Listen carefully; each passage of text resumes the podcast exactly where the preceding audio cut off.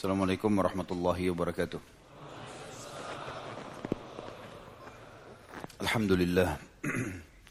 Tidak pernah berhenti kita memuji Tuhan kita yang maha melihat, maha mendengar, maha mengetahui semua gerak-gerik kehidupan kita. Dia maha esa, maha kuasa, maha perkasa, maha kuat. Dia selalu maha hidup dan mengurus makhluknya. Tidak ada sekutu baginya dalam setiap kegiatannya, dan dia dengan kemahamurahannya telah menggantungkan segala kebutuhan kita untuk roda kehidupan di muka bumi ini. Dan beruntunglah orang yang memahami dan mengamalkan dengan kalimat Alhamdulillah. Maka selalulah ucapkan kalimat ini. Selanjutnya kita panjatkan salam hormat kita penuh dengan cinta dan rindu kepada manusia yang terbaik pimpinan seluruh anak Adam. Manusia yang telah membawa kepada kita hukum halal haramnya Allah sehingga kita punya panduan hidup tahu mana yang boleh dan tidak boleh mana yang diperintahkan dan dilarang oleh Sang Pencipta. Dan juga mengucapkan salam hormat ini jadikan ibadah oleh Allah Subhanahu wa taala kepada setiap orang beriman dan akan dibalas secara langsung 10 kali tambahan rahmat. Dan rahmat ini atau tambahan atau pengucapan salam balas dari Allah bisa berarti keselamatan dari masalah di dunia dan di akhirat, bisa berarti sembuhnya penyakit, bisa berarti terpenuhinya semua hajat-hajat dan siapa kita, teman-teman sekalian, sehingga bisa diberikan salam oleh Allah dengan satu kali mengucapkan salam kepada manusia terbaik ini dibalas sepuluh kali. Kalau dibalik pun dengan mengucapkan sepuluh kali salam hormat kepada manusia terbaik ini dan akan mendapatkan satu kali balasan dari Sang Pencipta Allah maka sangat cukup. Apalagi kalau sekarang kita mendapatkan dengan satu kali ucapan sepuluh kali tambahan rahmat dan balasan dari Sang Pencipta Allah yang berarti karunia yang sangat besar. Maka sangat wajar kalau kita selalu mengucapkan salawat dan taslim kepada Nabi besar Muhammad sallallahu wa ala alihi wa sahbihi wasallam. Kita masih terus saja teman-teman sekalian di tablik-tablik akbar kita tentang serial manusia terbaik. manusia yang paling layak untuk dikenang kisah mereka. Sempurna biografinya. Kehidupan mereka penuh dengan suka duka kehidupan ini tapi di atas kendaraan iman dan ilmu sehingga mereka menemui ajal mereka kembali kepada Sang Pencipta Allah dalam keadaan sempurna.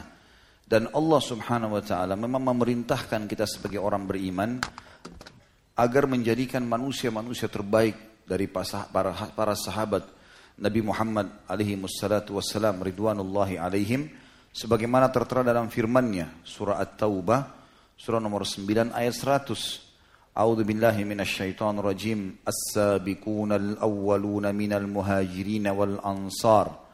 من المهاجرين والأنصار والذين اتبعوهم بإحسان رضي الله عنهم ورضوا عنه. رضي الله عنهم ورضوا عنه وأعد لهم جنات تجري تحتها الأنهار خالدين فيها أبدا. ذلك الفوز العظيم. Dan orang-orang yang telah terdahulu menganut agama Islam dari kaum muhajirin, para sahabat Ridwanullah alaihim yang hijrah dari Mekah ke Madinah, dan orang-orang ansar dari orang-orang yang telah menyambut Nabi SAW di Madinah, dan siapa pun yang mengikuti jejak-jejak mereka dengan cara yang baik. Maka Allah ridho kepada mereka. Mereka pun ridho kepada Allah. Kalau keridhaan Allah artinya Allah sudah menerima semuanya. Apalagi yang kita inginkan kalau sudah sang pencipta yang ridho kepada kita. Dan Allah janjikan buat mereka semua, para sahabat dan yang mengikuti para sahabat ini, surga yang dibawanya mengalir sungai-sungai dan mereka akan kekal selama-lamanya di dalamnya dan itulah kemenangan yang besar. Walaupun teman-teman sekalian kita baru membahas kurang lebih 27 sahabat dengan hari ini. Tapi lembaran-lembaran hidup mereka yang baru 27 orang kita pelajari ini secara tablik akbar, Tentu kalau ada teman-teman yang sudah baca secara langsung, Alhamdulillah, itu sudah sangat luar biasa mewarnai hidup kita. Saya kadang-kadang membuka buku-buku ini teman-teman sekalian dan membaca kisah mereka, tidak sengaja meneteskan air mata. Kadang-kadang juga saya tersenyum melihat beberapa hal-hal yang menggembirakan dalam kehidupan mereka. Dan kadang-kadang saya bahkan membayangkan pada saat saya melihat di depan mata. Karena ada hal-hal yang digambarkan dalam buku-buku serial mereka tentang luar biasa. Seperti kita sedang berhadapan seperti mereka sedang ngobrol di depan kita, seperti mereka sedang mati syahid dan berperang di depan mata kita. Maka ini luar biasa. Kita seperti digambarkan oleh Sang Pencipta Allah inilah orang-orang yang sudah selamat, ikutin saja jejaknya. Dan sudah saya bacakan tadi firman Allah surah At-Taubah ayat 100 yang sangat jelas. Dan orang-orang yang mengikuti mereka dengan cara baik. artinya betul-betul menciplak semua hidup para sahabat ridwanullahi alaihim adalah kebahagiaan. Dan itu target kita belajar pada hari ini dan insya Allah pada bulan-bulan selanjutnya tablik akbar sampai selesai dengan izin Allah, semuanya tujuannya untuk itu. Sahabat hari ini teman-teman sekalian, sahabat yang mulia, satu-satunya sahabat yang dijamin masuk surga tanpa hisap. Banyak sahabat yang masuk surga, tapi kalimat tanpa hisap tidak disebutkan. Tentu Abu Bakar, Umar, Uthman, Ali, Talha, Zubair, Talha, Sub, uh, Abdurrahman ibn Auf, 10 sahabat yang masuk surga. Yang pertama-tama kita bahas pasti lebih mulia dari manusia ini secara keutamaan. Tetapi keutamaan mereka dalam mendapatkan surga Nabi SAW cuma mengatakan si fulan ahli surga. Abu Bakar masuk surga. Umar masuk surga. Tapi tidak ada kalimat tanpa hisap. Kalimat tanpa hisap ini punya nilai tersendiri. Gitu ya. Satu-satunya manusia yang mendapatkan ini adalah Ukasha bin Muhsin. Sebagaimana dikatakan oleh para ahli sejarah dan para ahli hadis. Tentu ini bukan berarti dia lebih daripada sahabat-sahabat yang memang lebih utama. Tapi keutamaan ini juga merupakan ciri khasnya dia. Tanpa hisap ini teman-teman sekalian tidak ada lagi dihitung apa pun dari amal-amalnya. Nanti akan kita rincikan hadis-hadis yang berhubungan dengan masalah itu. Oleh karena itu sangat wajar kalau kita mempelajari kisah manusia terbaik ini. Ukasha bin Muhsin namanya adalah Ukasha bin Muhsin bin Hurthan al-Asadi. Dan sebenarnya uh, Ukasha ini artinya ada dalam bahasa Arab ya. Orang-orang dulu biasanya memberikan nama anak-anak mereka dengan nama-nama hewan dengan tujuan uh, hewan itu mungkin karena punya kisah tertentu, punya keutamaan tertentu maka diberikan nama itu. Ya. Dan sampai hari ini masih ada orang yang memberikan nama-nama seperti itu seperti uh, Fahad misalnya Raja Fahad di Saudi. Fahad itu artinya uh, apa namanya macan ya seperti itulah. Kemudian ukasha juga ini sebenarnya kalau dalam bahasa Arab ada artinya adalah laba-laba. Ya. Walaupun setelah masuk Islam tidak diganti nama ini oleh Nabi alaihi salatu wassalam karena dianggap tidak ada pelanggaran agama di situ. Suku Al-Asadi sendiri, suku beliau ini adalah bagian daripada cabang dari suku Abdus Syams. Suku Abdul Syam suku yang terkenal di Mekah. Dia termasuk anak muda Mekah, remaja Mekah yang memiliki akal yang cerdas. Sebagaimana ulama mengatakan dia memiliki ketampanan, kebersihan, ya, keberanian, keteguhan. Punya kelebihan yang sangat banyak. Dia mirip dengan Talha bin Ubaidillah, Zubair bin Awam. Waktu masuk Islam umurnya masih muda sekali. Ya. Saat bin Abi Waqqas, waktu masuk Islam 16 tahun, 18 tahun, umur-umur yang masih muda. Dan anak muda ini termasuk orang yang mengikuti fitrahnya, akhirnya dia pun menganut Islam pada saat mendengarkan Nabi alaihi salatu wassalam atau mengiklankan diri beliau sebagai Nabi di Mekah. Masuk Islamlah Ukasha bin Muhsan radhiyallahu anhu dan beliau mengikuti suka dukanya Mekah walaupun tidak banyak dinukir riwayat tentang manusia terbaik ini atau manusia baik ini tapi beliau termasuk sahabat yang diceritakan hijrah bersama di Mekah hidup bersama Nabi SAW masuk dari awal-awal Islam hijrah bersama Nabi SAW termasuk dia sempat hijrah ke Habasyah atau Ethiopia kemudian beliau juga hijrah ke Madinah bersama Nabi SAW dan mulailah kiprahnya kelihatan pada saat di Madinah. Termasuk kiprah yang sangat menonjol adalah bagaimana beliau mengikuti semua peperangan Nabi SAW dan Nabi SAW dalam memilih pemimpin perang itu pasti punya pertimbangan tertentu. Selain memiliki keimanan supaya tidak mudah goyah, memiliki keteguhan, keberanian, keterampilan, maka itu juga ada pada diri Ukasha. Makanya Nabi SAW pernah menunjuk beliau menjadi panglima brigade Al-Ghamr. Al-Ghamr ini adalah pasukan yang dikirim oleh Nabi SAW. Sebenarnya tidak banyak ya, sekitar 40 orang saja. Dan Nabi SAW sering melakukan ini. Jadi kadang-kadang beliau mengirim pasukan-pasukan kecil, kadang-kadang juga pasukan yang besar. Tapi lebih banyak pasukan kecil dikenal dengan Sariyah. Sariyah itu berarti 100 orang, kurang dari 100 orang. Ada pendapat yang mengatakan kurang dari 300 orang. Dan ternyata Ukasha berhasil pada saat itu mendatangi wilayah Gamer. Kemudian beliau e, mengepung wilayah tersebut dan karena masyarakatnya mendengar Ukasha datang maka mereka pun melarikan diri. Dan Ukasha berusaha dan berhasil menguasai mata air mereka serta mengirim mata-mata sehingga dia berhasil mengetahui tempat persembunyian harta harta mereka, ternak, dan Ukasha akhirnya merebut tempat itu dan menguasai kurang lebih 200 unta, kemudian membawanya pulang ke Madinah. Dan itu terjadi sebelum perang Badr. Sebelum perang Badr. Dan di tahun 2 Hijriah, perang besar terjadi di antara kaum muslimin dan musyrikin dan Ukasha termasuk orang yang ikut ya dalam perang Badar ini.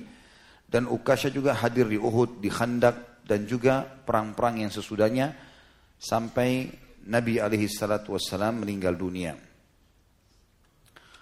Ukasha yang paling menonjol dari apa yang beliau dapatkan selain hadir di medan perang dan tidak banyak atau bahkan dikatakan tidak ada tidak ditemukan hadis yang diriwayatkan dari Ukasha.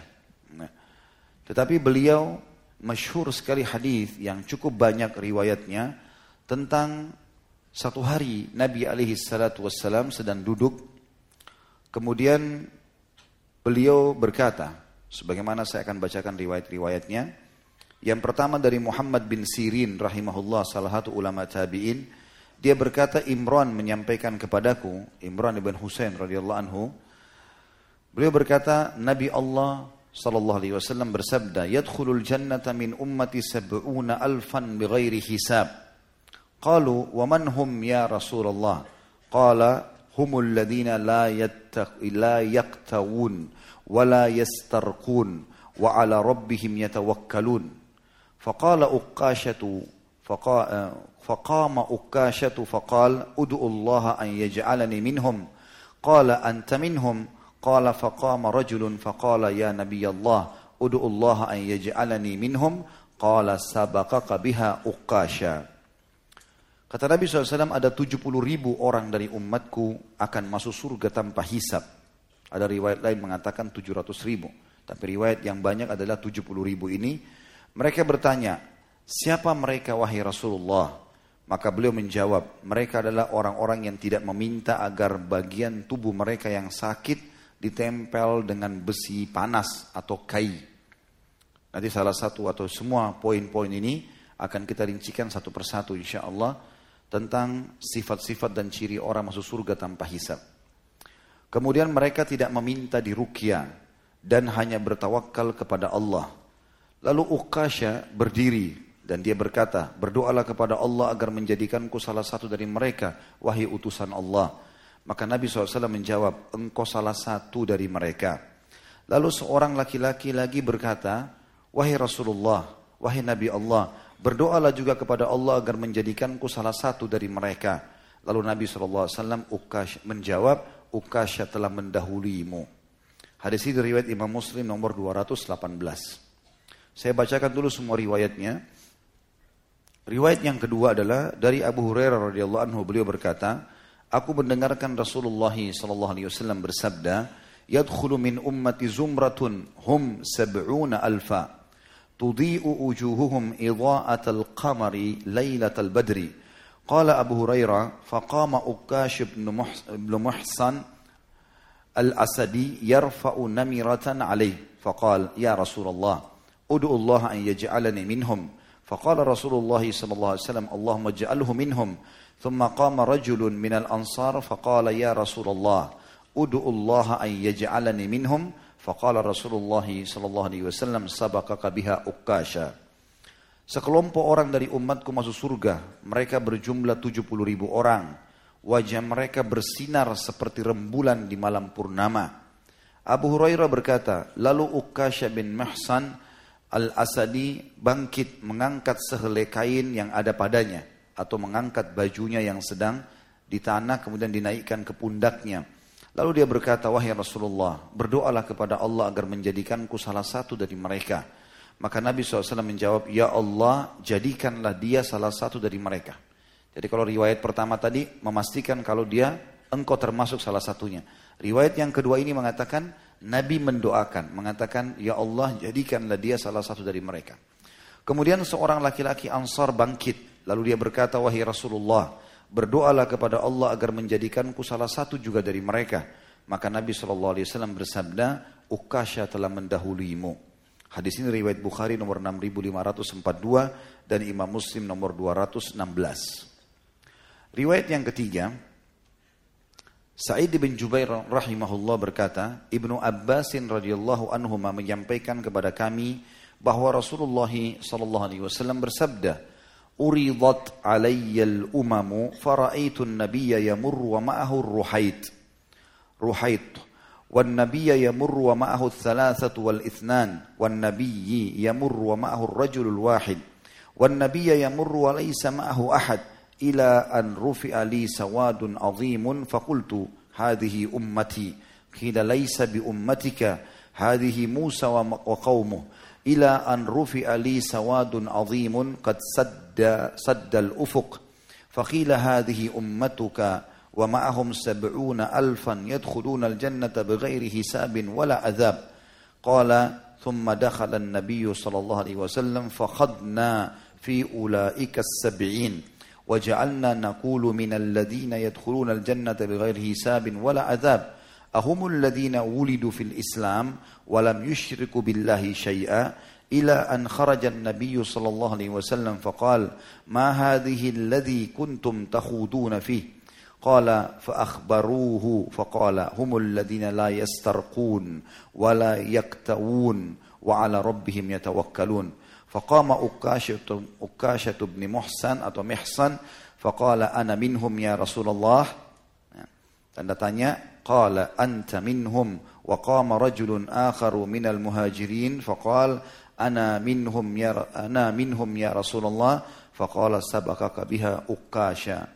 Hadis riwayat Bukhari nomor 5752 dan Imam Muslim 220. Terjemahannya, umat-umat ditampakkan kepadaku Ya, sebagian riwayat Tirmidzi dan Nasai menyebutkan ini terjadi di malam Isra dengan sanad yang sahih. Maka aku melihat seorang nabi lewat diikuti beberapa orang saja. Seorang nabi lain lewat diikuti dua atau tiga orang saja.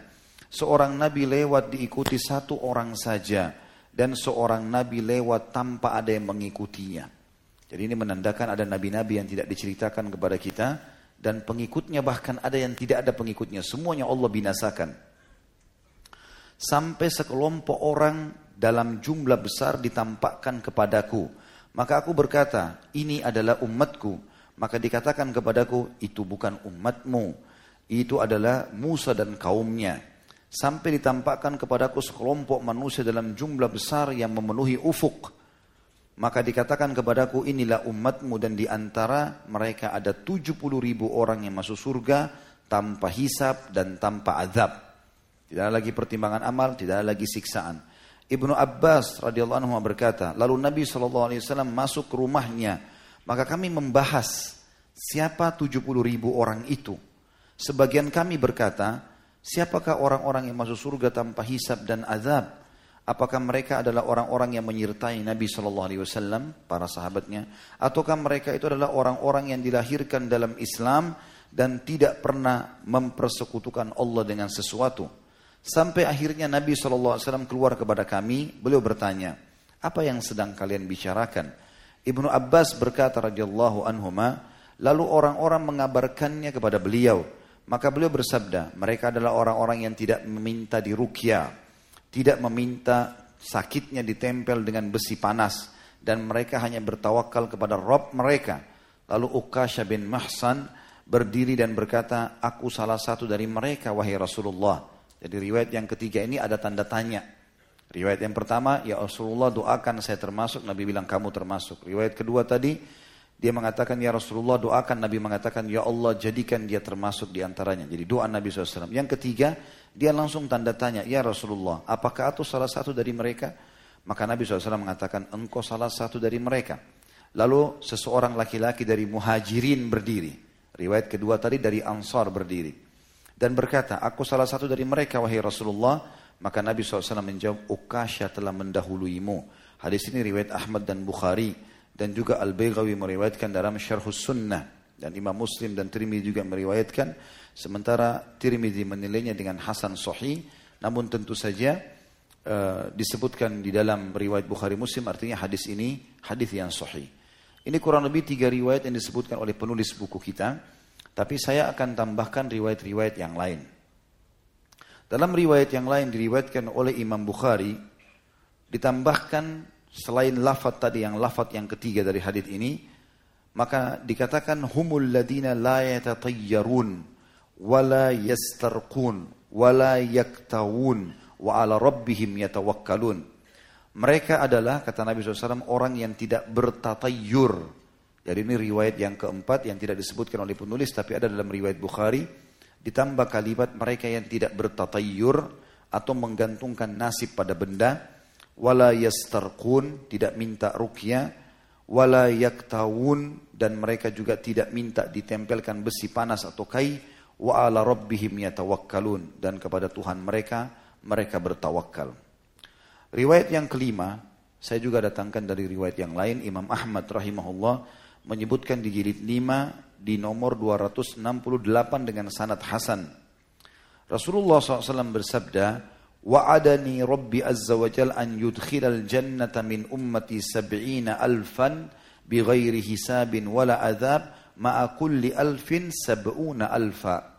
Dan hadis ini Hasan artinya Tuhanku telah menjanjikan kepadaku, Tuhanku yang maha mulia dan maha, maha suci, Maha suci dan maha tinggi telah menjanjikan kepadaku agar memasukkan ke dalam surga dari umatku 70 ribu tanpa hisab dan azab. Dan di setiap seribu ada 70 ribu lagi. Jadi kalau 70 ribu kita bagi dengan seribu, maka ada angka 70. Berarti 70 kali 70 ribu. Kurang lebih 4 juta 900. Ya. Maka ini hadis yang lain menyebutkan tentang adanya tambahan jumlah. Bukan hanya 70 ribu, tapi mencapai 4.900 jiwa. Riwayat yang lain Ibnu Fadl menyebutkan wa yadkhulul jannata min haula'i min ummatika sab'una alfa. Riwayat Ibnu Ibnu Fadl bertambah dan akan masuk surga dari kelompok umatmu tadi yang banyak itu 70 ribu. Juga riwayat Abu Hurairah radhiyallahu anhu annahum tudhi'u wujuhahum idha'ati lailatul badr. Dalam riwayat Imam Ahmad ditambahkan dari Abu Hurairah bahwasanya wajah mereka akan mengeluarkan cahaya yang sangat terang seperti terangnya malam Lailatul Qadar. Juga dalam riwayat yang lain Al-Baihaqi Abu Hurairah menyebutkan dalam lafaz yang lain fastazattu rabbi fazadani ma'a kulli alfin sab'ina alfa. Qala Ibnu Hajar isnaduhu jayyid. Bahwasanya riwayat Baihaqi dan diterima riwayatnya oleh Ibnu Hajar Nabi SAW bersabda dan aku meminta memohon tambahan kepada Tuhanku, maka aku ditambahkan dari 70 ribu itu setiap seribu membawa 70 ribu lagi. Yang berarti memang 70 ribu kali 70 tadi sekitar 4 juta 900. Hadis-hadis ini teman-teman sekalian yang sangat masyhur berhubungan dengan tokoh kita. Karena Uqasha bin Muhsin radhiyallahu anhu adalah sahabat yang langsung ditunjuk oleh Nabi alaihi salatu wassalam walaupun riwayatnya berbeda-beda. Walaupun riwayatnya berbeda-beda. Riwayat yang pertama tadi memang Nabi SAW langsung mengatakan dia termasuk di antaranya. Riwayat yang kedua menyebutkan bahwasanya Nabi mendoakan dia. Kan? Dan riwayat yang ketiga juga Jambi menjawab pertanyaan dia waktu dia mengatakan apakah aku termasuk mereka ya Rasulullah Nabi SAW mengatakan iya. Dan di sini teman-teman sekalian ini keutamaan yang luar biasa kemuliaan. Karena Nabi SAW juga pada saat itu langsung menutup pintu. Waktu seorang lagi berdiri mengatakan, saya juga ya Rasulullah. Kata Nabi SAW, engkau telah didahulukan atau didahului oleh Ukasha. Dan ini ulama mengatakan hikmah yang sangat besar. Makanya setelah itu sahabat tidak lagi yang bertanya. Bayangkan kalau semua sahabat waktu itu dijamin dan diambil angkanya semuanya. Maka tidak terbagi bagi umat ini. Tapi di sini dengan hikmah Allah, Nabi SAW menutup dan hanya menyebutkan untuk Ukasha. Puncak daripada penjelasan sederhana dari Ukasha adalah bagaimana beliau meninggal mati syahid dan partisipasinya dalam memerangi orang-orang yang murtad setelah meninggal Nabi SAW di zaman kejayaan Abu Bakar radhiyallahu anhu. Tentu seperti biasa nanti kita akan jelaskan syama, eh, manakibnya, keutamaannya beliau dan kita akan jelaskan nanti pelajaran-pelajaran yang diambil daripada kejadian ini termasuk kita akan rincikan empat ciri khasnya tadi orang-orang yang masuk surga tanpa hisab dengan harapan insya Allah kita termasuk di antaranya. Ukasha bin Mohsen setelah meninggalnya Nabi Shallallahu Alaihi Wasallam pada saat itu banyak sekali suku-suku Arab pedalaman yang murtad dan kembali kepada kemunafikan serta mereka bahkan ada yang berusaha akan menyerang Madinah.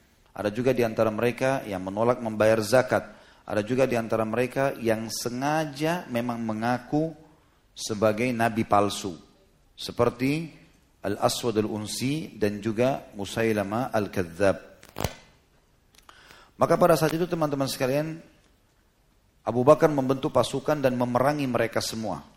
Satu persatu diperangi. Dan yang paling masyhur ya adalah statement Abu Bakar yang mengatakan saya akan memerangi siapa pun yang membedakan antara zakat sama solat.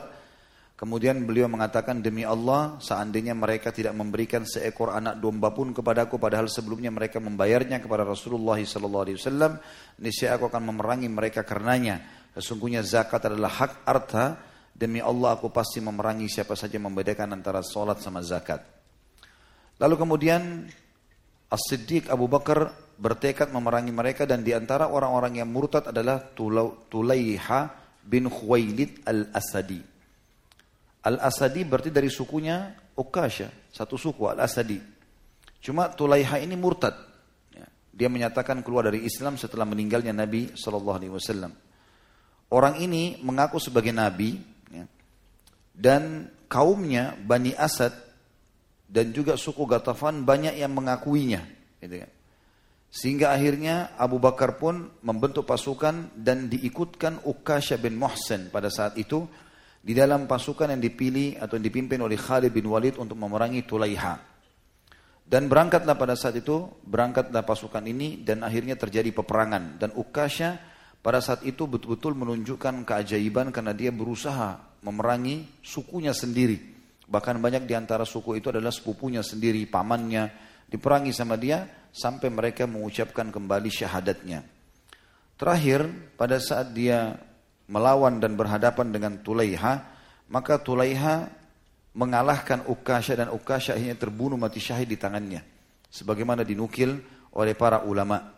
Dan di sini sebagian ulama mengatakan kemungkinan besar mati syahidnya ini yang menjadi penyebab dia masuk surga tanpa hisap. Walaupun ini pendapat sebagian ulama dan umumnya semua pendapat umumnya ulama mengatakan memang itu keutamaan yang dimiliki oleh Ukasha ada riwayat yang menyebutkan bahwasanya Ukasha sempat melawan dan membunuh Jibal bin Tulaiha. Jadi Jibal ini anaknya Tulaiha dan berhasil dibunuh oleh Ukasha. Lalu Ukasha pun akhirnya diserang oleh ayahnya, ya, ayahnya Jibal itu Tulaiha kemudian membunuhnya. Dan Tulaiha bersama Salama saudaranya rame-rame mengeroyoki Ukasha dan akhirnya Ukasha terbunuh mati syahid serta kaum muslimin memakamkannya di lokasi tempat dia terbunuh. Ini yang ada di nukil tentang Ukasha ibn Muhsin. Sekarang kita masuk teman-teman sekalian ke manakibnya. Saya coba berusaha mencari uh, nama istrinya, nama anaknya. Saya tidak menemukan. Ya. Saya berusaha coba mencari, belum menemukan masalah ini. Tapi insya Allah mudah-mudahan dengan menyebut manakib beliau, keutamaannya, kita akan mendapatkan banyak pelajaran dari beliau, termasuk juga pelajaran dari keutamaannya tadi. Yang pertama manakibnya adalah beliau orang yang pertama masuk Islam di Mekah dan termasuk orang yang terpuji dalam At-Taubah ayat 100 tadi dari muhajirin. Yang kedua beliau menghadiri semua peperangan Nabi SAW tidak terkecuali terutama Badr dan sudah pernah dan sering kita ulangi orang yang hadir di perang Badr ampuni dosa-dosanya.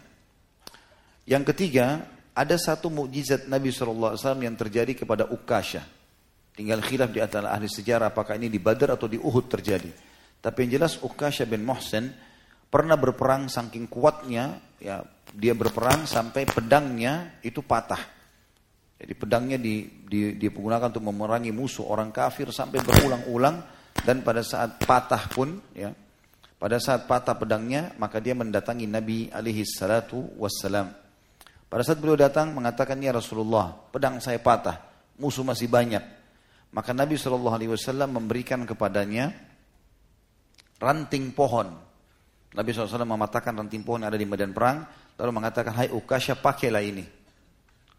Coba teman-teman sekalian kita melihat dan membayangkan kalau kita di posisi Ukasha pada saat itu. Kita berperang lawan pakai, musuh pakai pedang, pedang aja patah, gitu kan. Kemudian kita bertemu dengan Nabi SAW dan Nabi kasih ranting ranting pohon kecil lalu mengatakan pakailah ini berperang. Kira-kira kalau antum di posisi orang itu apa yang antum lakukan? Lihat pelajaran dari sosok sahabat. Yang penting dari Nabi pasti benar. Nggak ada keraguan. Ukasha mengambil ranting itu tidak ragu sedikit pun.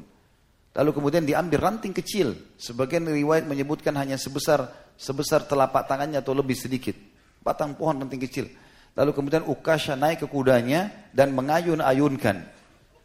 Karena kepercayaan dia yang luar biasa, keyakinan tentang Nabi SAW, begitu diayunkan berubah jadi pedang. Mujizat, itu riwayat sahih. Berubah jadi pedang.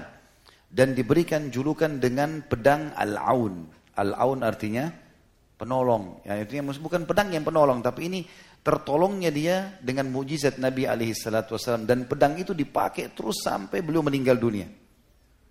Semua sahabat menyaksikan pada saat itu bagaimana dan terkenal masyur riwayat ini kalau beliau memegang ranting yang berubah menjadi pedang dan itu tidak pernah terjadi sebelumnya.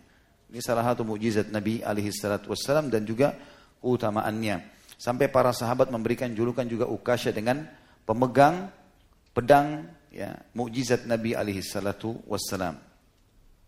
Yang keempat, dijamin baginya surga, gitu kan.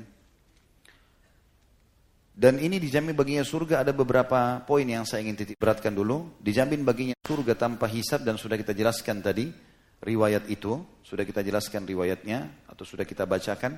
Tinggal ada riwayat teman-teman sekalian yang saya lihat banyak sekali dinukil Bahkan tidak tidak sedikit tulisan-tulisan dalam bahasa Indonesia tentang beliau dinukil kisah ini. Tapi sayangnya teman-teman kita ini tidak mengetahui kalau riwayat ini adalah riwayat yang tidak benar. Saya sebutkan dulu riwayatnya tentang jaminan surga Ukasha radhiyallahu anhu karena mencium badan Nabi alaihi salatu wassalam. Riwayatnya panjang. Disebutkan bahwasanya setelah Nabi wasallam pulang dari haji wada maka beliau diberikan pilihan oleh Tuhannya untuk hidup di dunia, memimpin dunia ini menjadi raja dan tetap mati masuk surga atau beliau meninggal dunia. Maka beliau selalu mengatakan barir rafiqul a'la. Saya memilih untuk tempat yang tinggi di sana. Saya mau ketemu dengan Allah subhanahu wa ta'ala. Maka setelah itu Nabi SAW sakit. Waktu beliau sakit, maka beliau mengumpulkan para sahabat. Saya ringkaskan riwayatnya lalu berkata, Kalian sudah melihat apa yang kalian lihat, maksudnya dari penyakit saya, faktor umur gitu kan, sempurnanya agama. Apalagi setelah beliau membacakan firman Allah surah Al-Maidah ayat 3, A'udzu billahi minasyaitonir rajim. Al-yawma akmaltu lakum dinakum wa atmamtu alaikum ni'mati wa raditu lakumul Islam madina. Hari ini aku sempurnakan agama kalian, nikmatku kepada kalian, aku ridho Islam sebagai agama kalian. Jibril alaihissalam mengatakan, hai Muhammad ini menandakan agamamu sudah sempurna. Maka semua sahabat senang kecuali Abu Bakar. Abu Bakar pun pada saat itu berkata, ya, uh, sambil menangis dia ditanya oleh para sahabat, kenapa anda menangis? Kata Abu Bakar, kalau ini betul sudah turun firman Allah dan sebagaimana sudah kita ketahui berarti sebentar lagi Hasan dan Husain akan menjadi anak yatim dan istri-istri Nabi akan menjadi janda. Ya. Dia akan meninggal. Maka sahabat pun pada saat itu sempat menangis mendengarkan kejadian tersebut. Maka Nabi SAW pun naik di atas mimbar sambil berkata, Wahai muslimin, sebagaimana kalian sudah tahu kejadian faktor sakit, umur, sempurnanya agama ini, maka mungkin saya tidak akan lama lagi bersama kalian. Maka saya meminta siapa pun yang merasa punya masalah dengan saya atau pernah saya zalimi, maka silahkan tuntut sekarang. Gitu kan? Ada beberapa riwayat yang sahih menjelaskan ada sahabat-sahabat yang sempat menuntut pada saat itu satu dirham dan seterusnya. Tapi ini semua sudah selesai. Itu riwayat-riwayat yang sahih. Tapi ini kita bahas khusus masalah ukasha. Dan ini riwayat nanti kita sebutkan siapa saja ulama hadis yang membaifkannya. Bahkan dianggap ini hadis yang maudhu sebenarnya. Bahwasanya nah, Ukasha bin Muhsin berdiri. Lalu berkata, Ya Rasulullah, saya dulu waktu pulang peperangan bersama anda, sempat anda ingin memicu unta anda, tapi ternyata pecutan itu tersentuh ke saya pada saat saya ingin merapat dengan anda. Sehingga akhirnya tersentuhlah saya dan anda menyakiti saya ya Rasulullah. Gitu kan. Maka saya menuntut. Waktu itu semua mesti jadi hening. Rasulullah SAW sudah berumur, kemudian juga ya sudah sakit. Lalu kemudian siapa yang mau menuntut Nabi SAW? Gitu. Maka Ukasha berdiri mengatakan, ya Rasulullah ceritanya begini. Dan saya menuntut ya Rasulullah. Dalam riwayat ini dikatakan Abu Bakar berdiri lalu mengatakan, ya, Wahai Ukasha, inilah aku di hadapanmu posisiku sebagai mertua dan seterusnya, sahabat Rasulullah, hukumlah aku, jangan hukum Rasulullah. Maka Ukasha tetap berdiri. Nabi SAW mengatakan, minggirlah wahai Abu Bakar. Lalu kemudian dalam riwayat ini juga dikatakan Umar berdiri dan mengatakan, hai Ukasha, ini punggungku, pukullah sesukamu. Aku juga mertua Nabi. Anggaplah ini gantinya. Ukasha tetap berdiri, tidak mau. Lalu Nabi SAW mengatakan, minggirlah hai Umar. Ali bin Abi Thalib berdiri. Dan mengatakan, kalau memang kedua mertua Nabi tidak bisa, maka aku adalah anak mantunya dan sepupunya. Dan aku kerabatnya. Maka pukullah aku. Maka Ukasha tetap tidak mau ya, memberikan, uh, tidak mau menerima itu. Kemudian Nabi SAW mengatakan, minggirlah Ali. Kemudian berdirilah Hasan dan Husain. Dan berkata, wahai uh, paman Ukasha, kalau kami adalah cucu Nabi SAW dan kami bagian dari tubuhnya. Kalau engkau memukul kami berarti sudah memukulnya. Maka kami mohon pukullah kami sesukamu. Maka Nabi Ukasha tetap berdiri, tidak mau. Kemudian Nabi SAW menyuruh Hasan dan Husain pindah. Akhirnya tersinggallah Ukasha dengan Nabi SAW. Lalu ada dua riwayat yang riwayat-riwayat ini dua-duanya lemah dan maudhu sebenarnya ya. Kita datangkan supaya kita jelaskan. Nanti akan saya paparkan perkataan ulama tentang riwayat ini. Maka berkatalah Ukasha, riwayat yang satu, Ya Rasulullah bagaimana saya bisa membalas anda sementara anda di atas mimbar? Maka anda harus turun. Maka Nabi SAW pun turun. Riwayat yang kedua, Ukasha mengatakan, Ya Rasulullah waktu anda mencambuk saya, maka saya dalam kondisi tidak menggunakan baju. Dan ini digaris bawahi oleh para ulama tentang perkataan tidak menggunakan baju. Bagaimana Ukasha dalam peperangan tidak pakai baju gitu kan. Tapi jelas dikatakan begitu, maka saya mohon kepada anda untuk membuka baju. Maka Nabi SAW pun membuka bajunya, Kemudian Ukasha pada saat itu melempar cambuknya lalu memeluk Nabi SAW sambil menangis mengatakan, Ya Rasulullah, siapa yang akan mengganggu dan mengga siapa yang akan mencambuk anda kekasih Allah? Tapi saya hanya sekedar mau menyentuhkan tubuh saya dengan tubuh anda. Seperti itulah. Lalu kemudian dia menciumnya. Lalu kata Nabi SAW siapa yang ingin melihat penghuni surga lihatlah orang ini. Tapi riwayat ini teman-teman sekalian saya temukan disebutkan oleh para ulama-ulama hadis di antaranya adalah Ibnu Qayyim al-Jauzi berkata dalam kitab beliau ya, Zadul Ma'ad beliau mengatakan hada hadis maudhu. Hadis ini adalah hadis yang palsu. Al-Muttaham Abdul Mun'im bin Idris yang tertuduh dan jelas di kalangan para ulama hadis yang membuat hadis ini palsu ini adalah Abdul Mun'im bin Idris. Dan beliau sebutkan dalam kitab Al-Mawdu'at atau hadis-hadis palsu di jilid 1 halaman 301. Kemudian Al-Haythami juga menyebutkan dalam Majma' Az-Zawaid di jilid 8 halaman 323. Dan ini beliau pun mengatakan bahwasanya hadis ini adalah hadis yang palsu. Juga diriwayatkan At-Tabarani kata Al-Haythami, hadis ini diriwayatkan juga oleh At-Tabarani dan di dalamnya ada Abdul Mun'im bin Idris wa huwa kadzabun. Orang ini adalah pendusta dan orang yang suka mengarang-arang hadis. As-Suyuti berkata dalam maudhu uh, mengatakan hadis ini maudhu di buku beliau eh, dan beliau mengatakan afathu Abdul Mun'im. Dikarang-karang oleh Abdul Mun'im. Al-Lalai juga berkata dalam kitab Al-Mawdu'at di jilid 1 halaman eh, 257 kalau hadis ini adalah hadis palsu. Berikutlah seterusnya banyak di antara kalangan ulama yang menanggapi riwayat ini. Dan walaupun secara kisah histori menarik apalagi menyentuh ya saya pertama membaca riwayat itu saya sempat meneteskan air mata. Luar biasa bagaimana Ukasha melakukan ini. Dan histori lah pada, pada saat sempat histeri lah masjid dan menangis pada saat itu. Tapi ternyata ulama-ulama menanggapi hadis ini dan ini sama sekali tidak mengurangi kadar Ukasha radhiyallahu anhu. Hanya saja kita harus berhenti menyampaikan kalau para ulama sudah mengatakan hadis ini tidak benar. Walaupun menyentuh ya kita harus menyampaikan riwayat-riwayat yang sahih supaya sampai kepada umat riwayat yang sahih. Karena tanpa kejadian riwayat ini pun tetap ukasya mulia di mata kita. Allah anhum ajma'in. Kemudian selanjutnya teman-teman sekalian, ya, yang kelima, tadi yang keempat itu dijaminnya masuk surga dan sudah saya katakan saya jelaskan beberapa poin. Poin yang pertama adalah bagaimana Nabi, bagaimana Ukasha mendapatkan jaminan surga tanpa hisab sudah kita bacakan riwayatnya dan juga yang perlu kita bahas tadi adalah riwayat palsu yang disebutkan itu. Yang kelima teman-teman, Ukasha terkenal orang terbaiknya Arab dalam menunggangi kuda. Jadi ini pujian Nabi alaihissalatu kepada beliau.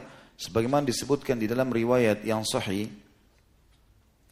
Dan ini juga disebutkan oleh Ibnu Kathir dalam kitab Al-Bidayah wa Nihayah di jilid 3 eh, halaman 290. Rasulullah SAW bersabda, Inna fina khiyaru man rakibal khail. Sesungguhnya ada di antara kita yang hidup pada zaman itu, ada di antara kita yang hidup ini sebaik-baik penunggang kuda. Artinya kata sebagian ulama hadis tidak pernah jatuh di kuda. Ya, bisa bukan cuma sekedar menunggangi kuda tapi bisa berdiri di atas kuda, bisa berperang dengan menunggangi kuda bisa mengobati kuda kalau luka. Jadi banyak keterampilan dimiliki berhubungan dengan kuda. Kalau man ya Rasulullah, maka para sahabat berkata, siapa itu yang anda maksudkan wahai utusan Allah? Maka Rasulullah SAW bersabda, Ukasyatu bin Muhsin. Ukasya bin Muhsin. Kalau Dirar bin Azur, Dirar bin Azur berkata, kebetulan satu suku dengan Ukasya dari Al-Asadi, Huwa minna ya Rasulullah. Dia itu dari suku kami.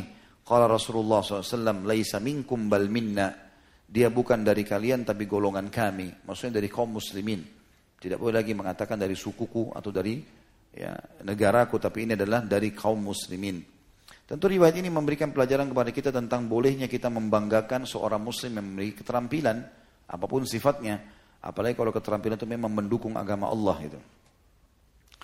Yang keenam teman-teman sekalian, dia dibunuh mati syahid oleh Tulaiha bin Khuwailid al-Azdi dan Ibnu Hajar menyebutkan dalam kitab Al-Isabah tentang prosesi kematiannya, bagaimana tadi dia membunuh ya, anaknya Tulaiha, kemudian dia dibunuh mati syahid ya, oleh uh, orang ini. Yang ketujuh, beliau memimpin Sariyah Gamrah tadi, ya, atau Al-Ghamr, dan beliau berhasil, sebagaimana sudah kita ceritakan tadi di awal. Kemudian juga yang kedelapan, beliau terkenal dengan keberaniannya, ketampanannya dan kekuatan, keteguhannya dalam memegang kebenaran. Dan ini juga akan kita sebutkan dalam nanti pelajaran bagaimana seseorang itu harus menjaga keberanian ya dalam membela kebenaran, dia juga harus menjaga kebersihan dan ketampanan dan kebersihannya. Juga dia harus punya tekad yang kuat.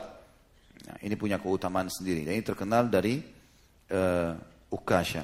Yang kesembilan adalah bagaimana cerdasnya Ukasha dan telitinya, jelihnya dalam segera meminta kepada Nabi Shallallahu Alaihi Wasallam agar dimasukkan dalam 70 ribu yang masuk tanpa surga tanpa hisab.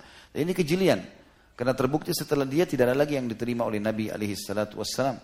Ini kejelian, makanya teman-teman dalam melakukan perbuatan amal soleh jangan tunda dan usahakan kita menjadi orang yang menjadi promotornya atau uh, uh, pelaku utamanya lah ya atau yang memulainya. Sebagaimana sabda Nabi SAW juga dalam riwayat lain, pada saat Nabi mengatakan bersodokahlah, gitu kan, sodokah itu besar pahalanya, lalu disebutkanlah banyak keutamaannya. Karena ada suku-suku Arab, ada beberapa orang suku Arab yang datang miskin sekali, susah, bajunya satu lembar gitu kan.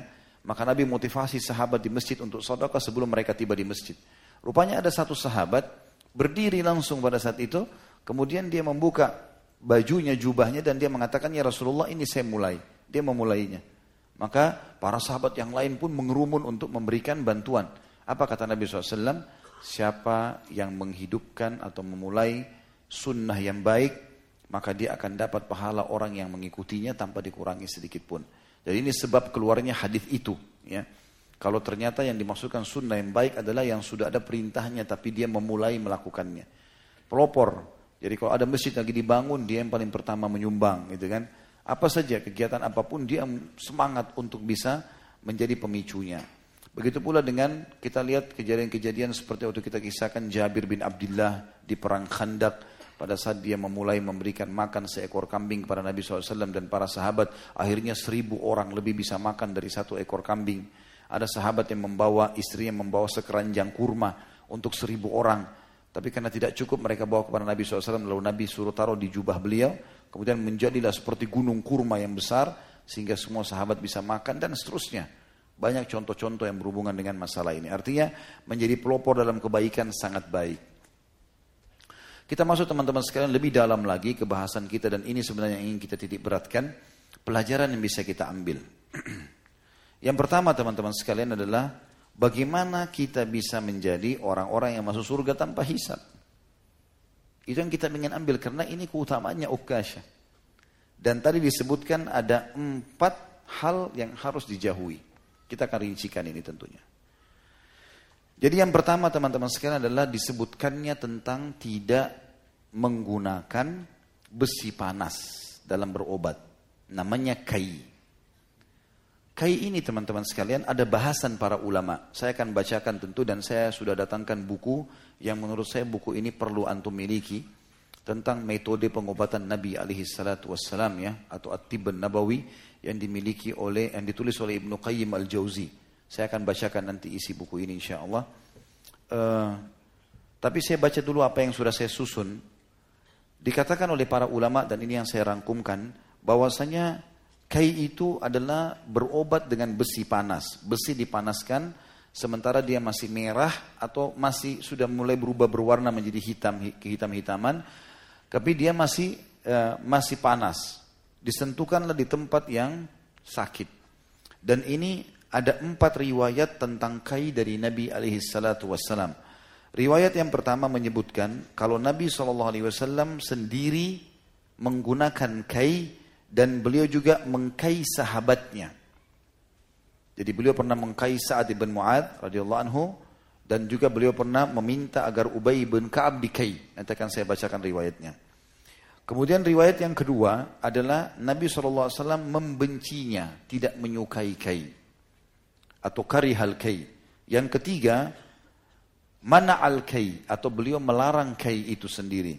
Dan yang keempat, madaha man tarakal kai. Beliau memuji orang yang meninggalkan kai. Di sini, ya, sebagaimana disebutkan dalam Zadul Ma'ad oleh Ibnu Qayyim rahimahullah, saya akan bacakan tulisan beliau. Ternyata beliau mengatakan ini bukan berarti kai dilarang, tetapi kai itu sifatnya dijadikan sebagai pengobatan terakhir, pengobatan terakhir. Ya. Saya akan lihatkan teman-teman sekalian yang disebutkan oleh Ibnu Qayyim rahimahullah dalam buku beliau berhubungan dengan masalah kai dan ini pengobatan nabawi. Beliau mengatakan diriwayatkan dalam kitab sahih dari hadis Jabir bin Abdullah radhiyallahu anhu bahwasanya Nabi SAW pernah mengutus seorang tenaga medis kepada Ubay bin Ka'ab. Tenaga medis itu lalu memotong urat dan melakukan kai padanya. Dan ini diriwayatkan Imam Muslim, Ibnu Majah, Ahmad dan Hakim. Berarti riwayat ini menjelaskan kai itu pernah dilakukan oleh Nabi alaihissalatu wassalam. Ya, dan karena pernah dilakukan, bukan murni hadis ada tentang larangan, berarti dia sifatnya makruh saja. Kemudian Sa'ad bin Mu'ad radhiyallahu anhu pada saat di perang Khandak pundaknya kena panah dan sobek ya, besar mengeluarkan darah yang banyak. Maka Nabi SAW mengkai di luka itu. Kemudian lukanya membengkak sehingga beliau mengulangi kai tersebut. Dan dalam riwayat lain juga disebutkan Rasulullah SAW melakukan kai terhadap Sa'ad bin Mu'ad di bagian pundaknya di daerah Mishkah ya, atau Mishkas. Lalu saat ya, ganti melakukan kai terhadap beliau dan mungkin dilakukan oleh salah satu seorang sahabat beliau kepadanya. Dengan lafaz lain disebutkan ada seorang laki-laki Ansar yang terkena panah di pundaknya di Mishkah ya, atau Miskos, ya, maaf. Lalu Nabi menyuruhnya akan diterapi dengan kai dan ini diributkan oleh riwayat Imam Muslim, Abu Daud, Ibnu Majah dari Jabir bin Abdullah. Kemudian juga Abu Ubaidah radhiyallahu anhu meriwayatkan seorang laki-laki pernah didatangkan di hadapan Nabi SAW yang direkomendasikan untuk dilakukan terapi kai kepadanya. Lalu beliau berkata, terapi dia dengan kai atau dengan batu panas. Abu Ubaidah menjelaskan radhiyallahu anhu, terapi dengan batu panas disebut dengan rahfl, yaitu batu yang dipanaskan kemudian digunakan untuk mengompres bagian tubuh yang sedang sakit. Ya, ini riwayat lain yang menjelaskan kalau kai dilakukan oleh Nabi SAW dan diperintahkan. Fadl bin Duqain berkata, Sufyan menceritakan sebuah riwayat kepada kami dari Abu Zubair dari Jabir diriwayatkan bahwasanya Rasulullah SAW menerapinya dengan kai di bagian pundaknya. Dan hadis ini juga diriwayatkan oleh Imam Muslim dari Jabir. Dalam Sahih Bukhari diceritakan dari hadis Anas bahwasanya ia pernah diterapi dengan kai di bagian pinggang, padahal Nabi SAW masih hidup. Riwayat lain dikatakan Anas sendiri berkata ya, bahwasanya Nabi SAW uh, maaf, aku pernah menusukkan besi panas, menempelkan besi panas di luka bisulku yang besar sampai ke dalam dan itu di masa hidupnya Nabi alaihi salatu wasallam dan beliau tidak larang. Hadis ini diriwayatkan oleh Imam Bukhari. Kemudian juga riwayat yang lain riwayat Tirmidzi dengan sanad Hasan Sahih dari Anas diceritakan bahwasanya Nabi SAW pernah mengobati As'ad ibn Zurara radhiyallahu anhu yang tertusuk dengan duri dengan kai dan ini diriwayatkan oleh Hakim selain uh, Tirmidzi.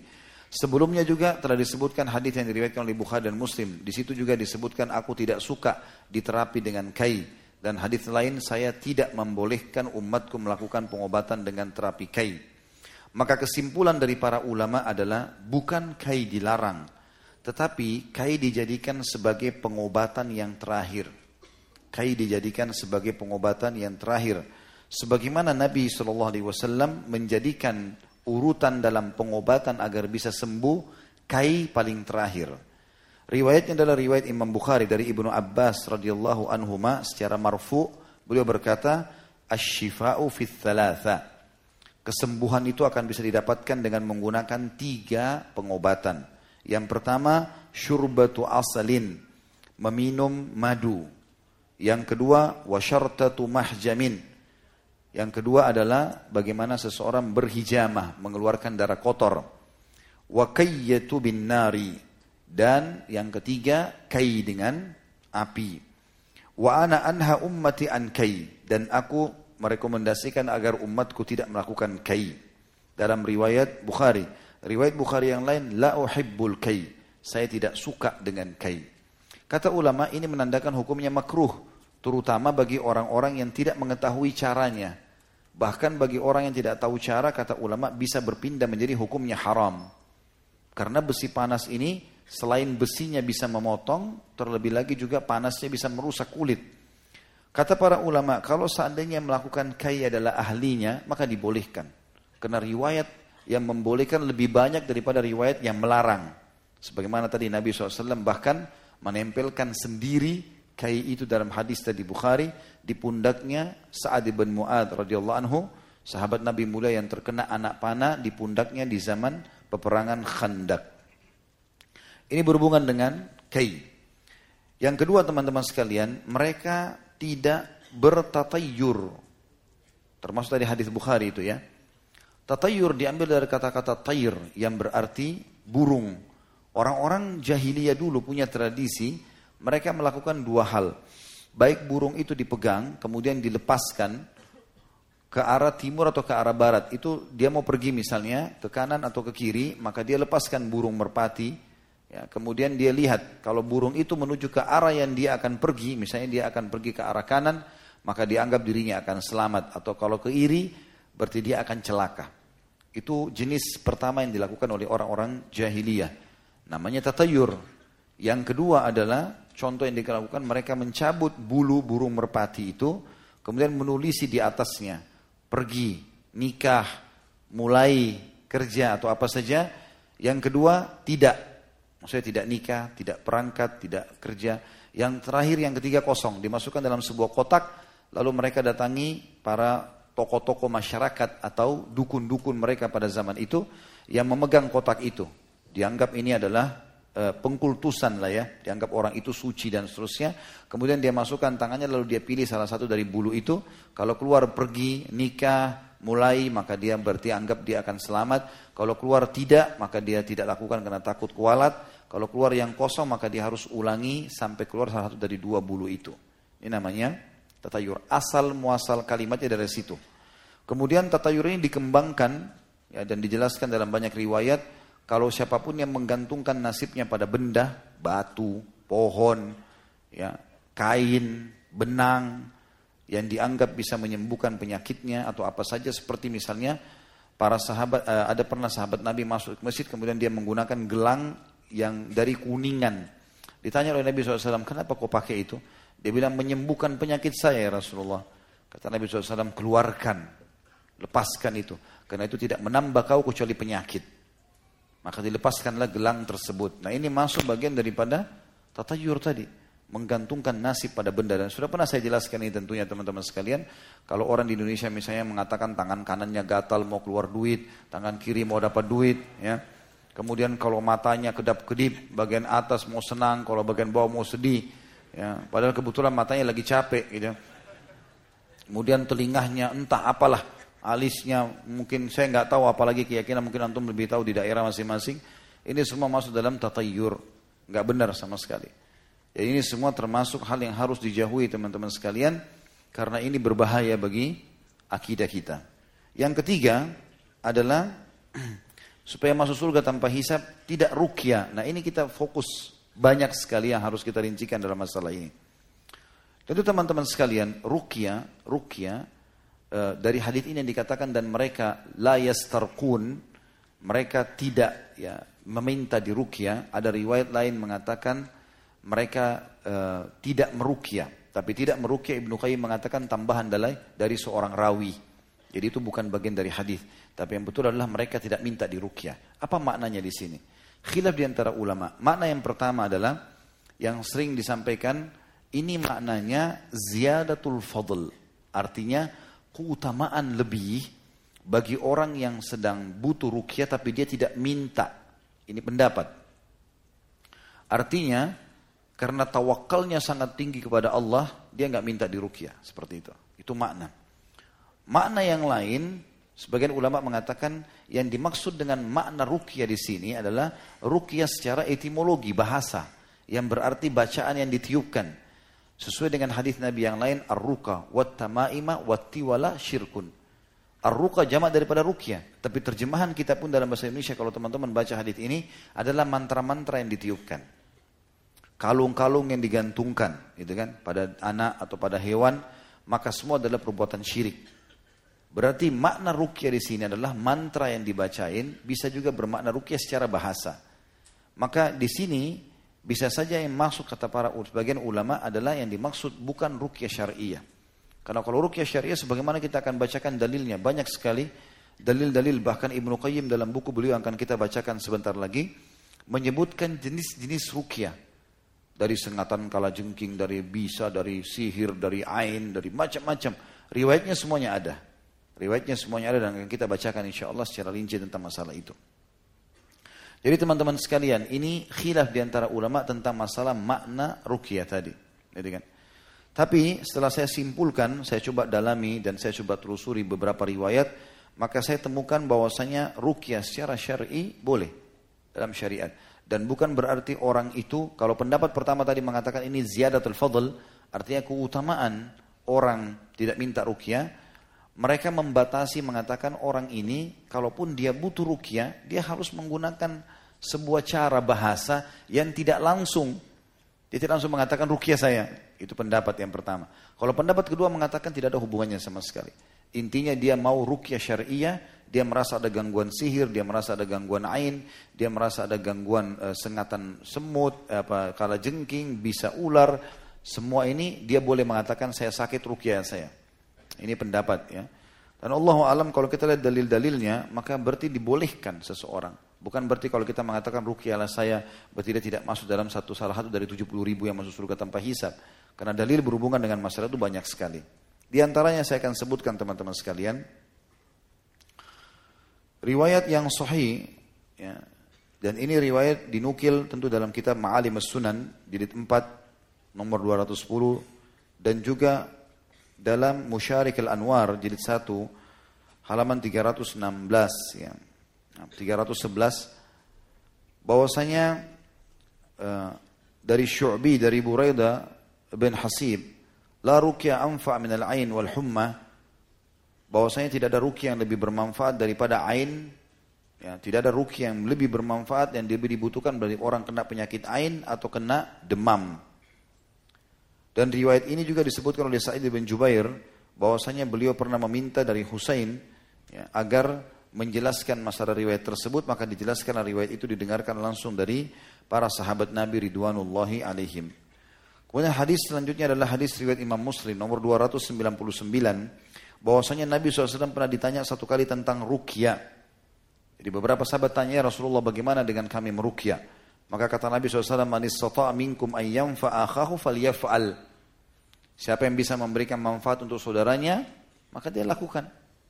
Dan itu berhubungan dengan masalah hadis rukyah. Artinya kalau dia tahu temannya lagi sakit, temannya lagi demam, pasangan hidupnya, anak-anaknya, maka dia boleh merukyahnya. Ini hadis sahih diriwayatkan oleh Imam Muslim. Riwayat yang ketiga, ini disebutkan oleh Abu Dawud nomor 3886 dan disohikan oleh Syekh Albani dari Auf bin Malik radhiyallahu anhu qal kunna narqi fil jahiliyah faqulna ya Rasulullah ma ra'yuka bi maka kami berkata kami pernah di zaman jahiliyah pernah meruqyah gitu kan artinya di zaman fase Mekah setelah masuk Islam ada beberapa ayat Al-Qur'an yang dihafal dipakai untuk meruqyah maka Nabi SAW mengatakan Ya, waktu ditanya bagaimana pendapat anda, kata Nabi SAW, A'rid ilayya riqakum. Coba bacakan kepada saya apa yang kalian baca.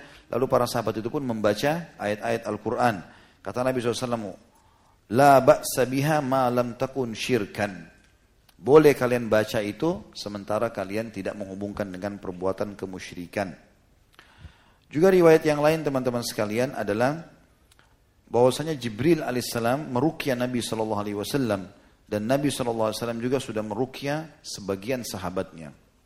Untuk lebih jauh saya akan lihatkan buku Ibnu Qayyim rahimahullah. Beliau memulai dengan rukyah itu dari penyakit ain dan ain adalah penyakit yang berbahaya sekali. Harus kita kenali teman-teman sekalian. Karena baginda Nabi alaihi salatu menyebutkan kepada kita sebagaimana hadis yang sahih riwayat Ahmad, Ibn Hibban, Hakim dan At-Tabarani juga diriwayatkan oleh Imam Muslim dalam sahihnya dan Imam Muslim sudah cukup kalau hadis itu sahih. Dari Ibnu Abbas radhiyallahu anhu beliau menceritakan Rasulullah SAW bersabda al-ainu haqq walau kana syai'un sabiqal qadar la sabaqathu al-ain. Penyakit ain itu benar memang benar-benar ada. Seandainya ada sesuatu yang dapat mendahului takdir, tentu sesuatu itu adalah ain. Tentu sesuatu itu adalah ain. Dan ini teman-teman sekalian hal yang sangat luar biasa ya. Harus hati-hati sekali. Dan ain disyarah oleh para ulama adalah penyakit yang datang dari seseorang karena hasut hatinya.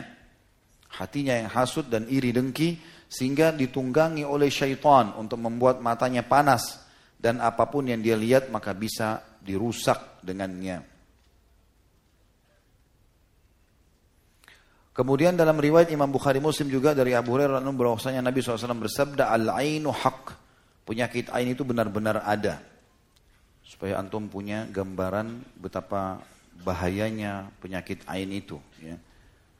Dan ini cuplikan yang diambil oleh sebagian teman-teman kita di Saudi dari kejadian di Saudi. Jadi misal ada orang yang pegang gelas saja, gelas saja dia pegang, kemudian orang yang sedang mau dihidangkan teh itu, dia bilang gelasmu bagus ya, pecah tiba-tiba.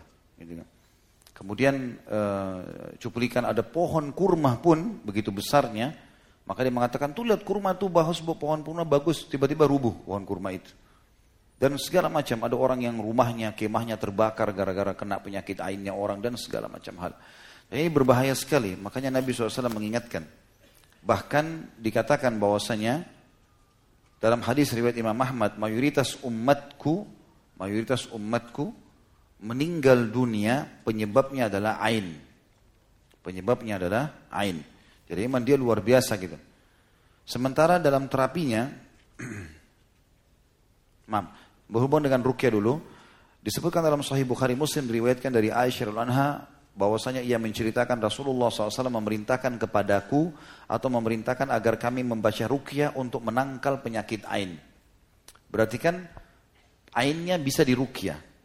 Kalau ini, kalau yang dimaksud adalah rukyah syariah, menurut pendapat kedua tadi, berarti tidak mungkin ada perintah. Sementara Aisyah mengatakan dalam hadis Bukhari Muslim kita diperintahkan untuk merukyah dari penyakit ain. Kemudian juga disebutkan dari Imam Tirmidzi bahwasanya Asma binti Uwais binti Umais radhiyallahu anha bertanya wahai Rasulullah sesungguhnya Bani Ja'far terkena penyakit ain. Apakah aku boleh merukyah mereka? Maka beliau menjawab boleh. Kalau ada sesuatu yang dapat mendahului takdir tentulah itu adalah ain. Ya. dan riwayat ini tentu diriwayatkan Nasai dan Imam Ahmad dengan sanad ya, derajatnya hasan sahih. Artinya riwayat-riwayat ini menjelaskan kepada kita kalau itu bisa. Ya. Sementara untuk terapi penyakit ain, selain rukia, bacakan ayat-ayat rukia, tentu ini ada bahasan sendiri masalah ayat-ayat rukianya. Tapi Nabi SAW pernah disebutkan dalam riwayat, riwayat Imam Malik, dari Muhammad bin Abu Umama bin Abu Umama bin Sahal dari ayahnya yakni meriwayatkan hadis ini disebutkan innal aini haq tawadda lahu fatawadda lahu sesungguhnya penyakit ain itu benar berwudulah untuk menghadapinya lalu ia pun berwudu Kata sebagian ulama hadith adalah seseorang yang kena ain, dia menyuruh orang yang mengenakan dia ain. Kalau kita tahu siapa orangnya, mungkin karena dia hasut atau apa saja, suruh dia berwudu, kemudian air wudhunya disiram ke badan kita. Nah, atau dipakai, maka ini akan bisa membantu menyembuhkan pada waktu itu juga. Dan itu terjadi juga dalam sebuah hadis yang sahih bahwasanya seorang sahabat pernah mandi, kemudian ada sahabat yang lain melihatnya, Kemudian sahabat yang lewat ini mengatakan sungguh wanita atau gadis pun yang dipingit tidak ada yang seindah badanmu. Maka tiba-tiba orang itu pingsan, kena ainnya. Lalu Nabi SAW ditanyakan waktu itu beliau mengatakan siapa yang melihatnya waktu mandi? Kata mereka, Fulan ya Rasulullah. Kata Nabi SAW panggil dia. Disuruh uduk, kemudian disiramkan ke badan orang yang pingsan tadi, kemudian bangunlah dia. Maka ini termasuk cara terapi selain membacakan rukyah, ayat-ayat tadi hadis Aisyah radhiyallahu dalam hadis Bukhari Muslim juga dengan cara seperti ini. Kalau tidak ditahu siapa orangnya, maka sebagian ulama mengatakan dibolehkan dia untuk berwudu dan air wudhunya sendiri yang dia gunakan untuk disiram ke badannya. Ya, bekas air wudhunya sendiri. Disebutkan dalam riwayat Abu Razak dari Ma'mar, dari Ibnu Taus, dari ayah secara marfu, al-ainu haq walau kana syai'un sabiqal qadar lasabakathu al-ain fa idza fa idza stuksila ahadukum falyaktasil. Penyakit ain itu nyata. Kalau ada seseorang sesuatu yang dapat mendahului takdir, Tentu sesuatu itu adalah ain. Apabila salah seorang di antara kalian tertuntut untuk mandi, maka hendaklah ia mandi. Artinya kalau ada orang yang mengatakan kemungkinan ya, kemungkinan uh, kena ain saya misalnya, maka saya akan mandi dan saya akan berikan. Atau ada orang mengatakan tolong mandilah atau uduklah, berikan kepada saya airnya. Kita nggak boleh tersinggung teman-teman sekalian. Karena sunnah Nabi SAW adalah kita ikuti keinginan dia. Makanya kata Nabi SAW, siapa yang diminta untuk mandi atau uduk maka dia lakukan. Kemudian dalam riwayat Jabir, ya, hadis ini diriwayatkan oleh Bazar dengan sanad Hasan dan hadis ini marfu, innal aini la tudkhilul rajulul qabra wal jamal al kidra. Sesungguhnya ain itu dapat memasukkan seseorang ke dalam kubur, artinya sampai menyebab mati dan unta bisa masuk ke dalam kuali. Ya. Jadi saking Luar biasa bahayanya penyakit ain itu. Salah satu juga yang efektif selain rukyah syariah, selain juga mengambil air udu atau air mandi orang tersebut atau dia sendiri yang udu, maka juga dilakukan dengan cara mengucapkan Masya Allah Tabarakallah. Masya Allah Tabarakallah. Dan ini sudah sering dipraktikkan oleh eh, teman-teman kita di Timur Tengah. Kalau di mobilnya dipasangin stiker Masya Allah Tabarakallah. Kalau di rumah pintu masuk seperti ada kaligrafi ya, itu ditulis Masya Allah Tabarakallah. Dan memang sudah biasa melatih diri anak-anak atau orang sekitarnya istrinya suaminya. Setiap muji sesuatu dia mengatakan Masya Allah Tabarakallah. Tapi memang itu harus dilakukan. Harus dilakukan. Ya kalau orang puji karena ini bahaya Terutama teman-teman kadang-kadang subhanallah kalau keluar rumah kita punya anak kecil sengaja diperindah. Lalu kita tidak sama sekali membekali dia dengan doa. Ya, dengan berdoa agar Allah lindungi dari keburukan. Ini bahaya sekali. Ya. Dan uh, disebutkan dalam sebuah riwayat yang lain, riwayat Tirmidzi dan dinyatakan hasan oleh beliau, bahwasanya Nabi SAW pernah memohon perlindungan dari godaan jin dan dari ain manusia. Dan ini menandakan memang besar sekali pengaruhnya Ya, besar sekali pengaruhnya. Oleh karena itu kita harus hati-hati. Sebagian ulama menambahkan bahwasanya penyebab penyakit ain selain hasut bisa juga karena orang itu selalu saja punya halusinasi ya atau membayangkan hal-hal yang tidak ada membayangkan syaitan membayangkan apalah gambar-gambar abstrak ya yang tidak ada Mungkin Allah alam, saya juga khawatir kalau orang banyak menggambarkan kayak kartun-kartun Jepang ya. Banyak menggambarkan apalah ya, manusia ini, manusia itu, atau robot ini, robot itu. Ya mungkin tidak ada. Ya. Maka ini juga menjadi penyebab.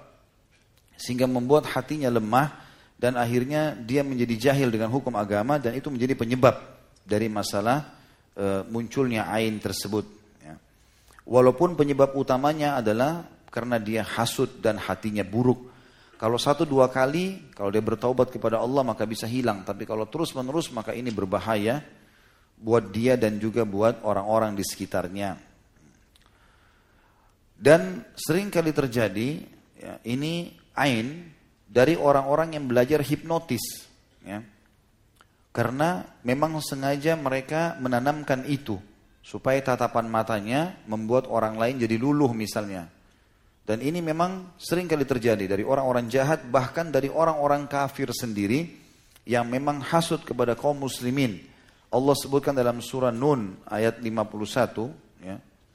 A'udzu billahi minasyaitonir rajim wa iyyakadu alladziina kafaru liyuzlikuka bi absarihim lamma sami'u dzikra wa yaquluna innahu lamajnun. Dan hampir-hampir saja orang-orang kafir itu mencelakakan dirimu dengan pandangan mata mereka. Gitu kan. Dan pada saat mereka mendengar kebenaran, ya, dan mereka berkata sungguhnya orang ini adalah orang gila. Ya, maksudnya mengatakan tentang Nabi alaihi salatu wassalam. Tentu di buku ini cukup banyak teman-teman sekalian kalau dimiliki tentang Ibnu Qayyim rahimahullah beliau ajarkan tentang doa-doa rukianya. Seperti a'udzu bikalimatillahi tammat min syarri ma khalaq. Ya, aku berlindung kepada Allah dengan kalimat-kalimat Allah yang paripurna dari kejahatan makhluk ciptaannya. A'udzu bikalimatillahi tamma min kulli syaitanin wa hamman min kulli ainin lamah. Aku berlindung kepada Allah dengan kalimat-kalimat Allah yang paripurna dari gangguan syaitan dan binatang serta dari gangguan ain yang dahsyat. Ya. Dan cukup banyak ya, hadis-hadis atau doa-doa yang disebutkan oleh beliau. Saya datangkan uh, saksi bahasan saja kalau memang uh, rukyah dibolehkan di sini termasuk dari masalah ain. Kemudian ada hadis-hadis Nabi Shallallahu Alaihi Wasallam juga yang berhubungan dengan masalah rukyah, ya, uh, masalah uh, ain ini disebutkan dalam riwayat Imam Muslim, rakhasa Rasulullah SAW fi ruqya fi ruqyati minal aini wal hummati wan namlah. Rasulullah SAW mengizinkan untuk ruqyah terhadap penyakit ain, gigitan binatang berbisa dan penyakit semut. Ya, yang dimaksud penyakit semut bukan sengatan semut ya, tapi orang-orang Arab dulu biasa mengatakan penyakit semut ada penyakit yang tiba-tiba memunculkan di antara dua alis atau dua mata seseorang belang-belang ya, atau di kulitnya muncul belang-belang. Entah seperti apa, tapi begitu keterangannya, belang-belang semoga Allah menjaga kita, maka itu juga dibolehkan untuk rukyah. Kemudian juga bolehnya seseorang merukyah dengan sengat, kalau kan, atau karena sengatan tadi itu kan karena ain ya. Kemudian bolehnya juga rukyah karena sengatan binatang berbisa, semuanya bisa, hewan apa pun yang menyakitkan tubuh terutama yang berbisa dibolehkan sebagaimana hadis Bukhari Muslim yang menjelaskan bahwasanya Abu Sa'id Al-Khudri radhiyallahu anhu menceritakan ada beberapa orang sahabat Nabi yang berada dalam suatu perjalanan. Mereka singgah di salah satu dusun di suku Arab dan bertamu kepada penduduknya namun para penduduk menolak menerima mereka sebagai tamu. Tiba-tiba pemimpin penduduk itu disengat binatang berbisa. Mereka mengupayakan segala sesuatu namun tidak juga menghasilkan apa-apa. Sebagian mereka berkata, coba kalian temui beberapa orang laki-laki tadi Kemudian ada di antara mereka yang eh, memiliki keahlian mengobati. Kemungkinan ada di antara mereka yang memiliki keahlian mengobati. Para penduduk negeri itu pun mendatangi para sahabat dan berkata, pemimpin kami tersengat binatang berbisa dan kami sudah mengupayakan segala sesuatu tapi gagal semuanya. Apakah ada salah seorang di antara kalian yang memiliki keahlian mengobati? Salah seorang di antara mereka menjawab, iya, saya bisa merukia. Akan tetapi kami meminta menjadi tamu kalian dan kalian menolaknya. Aku tidak akan mengobati kecuali bila kalian memberikan kompensasinya. Maksudnya kami harus bisa nginep. Akhirnya mereka berdamai dengan janji memberikan kepadanya sebagian kambing ternak mereka. Lalu ia datang meludahi, yang membaca Al-Fatih dan meludahi pemimpin kampung tersebut di lukahnya yang disengat dengan membaca surah Al-Fatihah. Tiba-tiba orang itu berdiri seolah-olah baru lepas dari ikatan.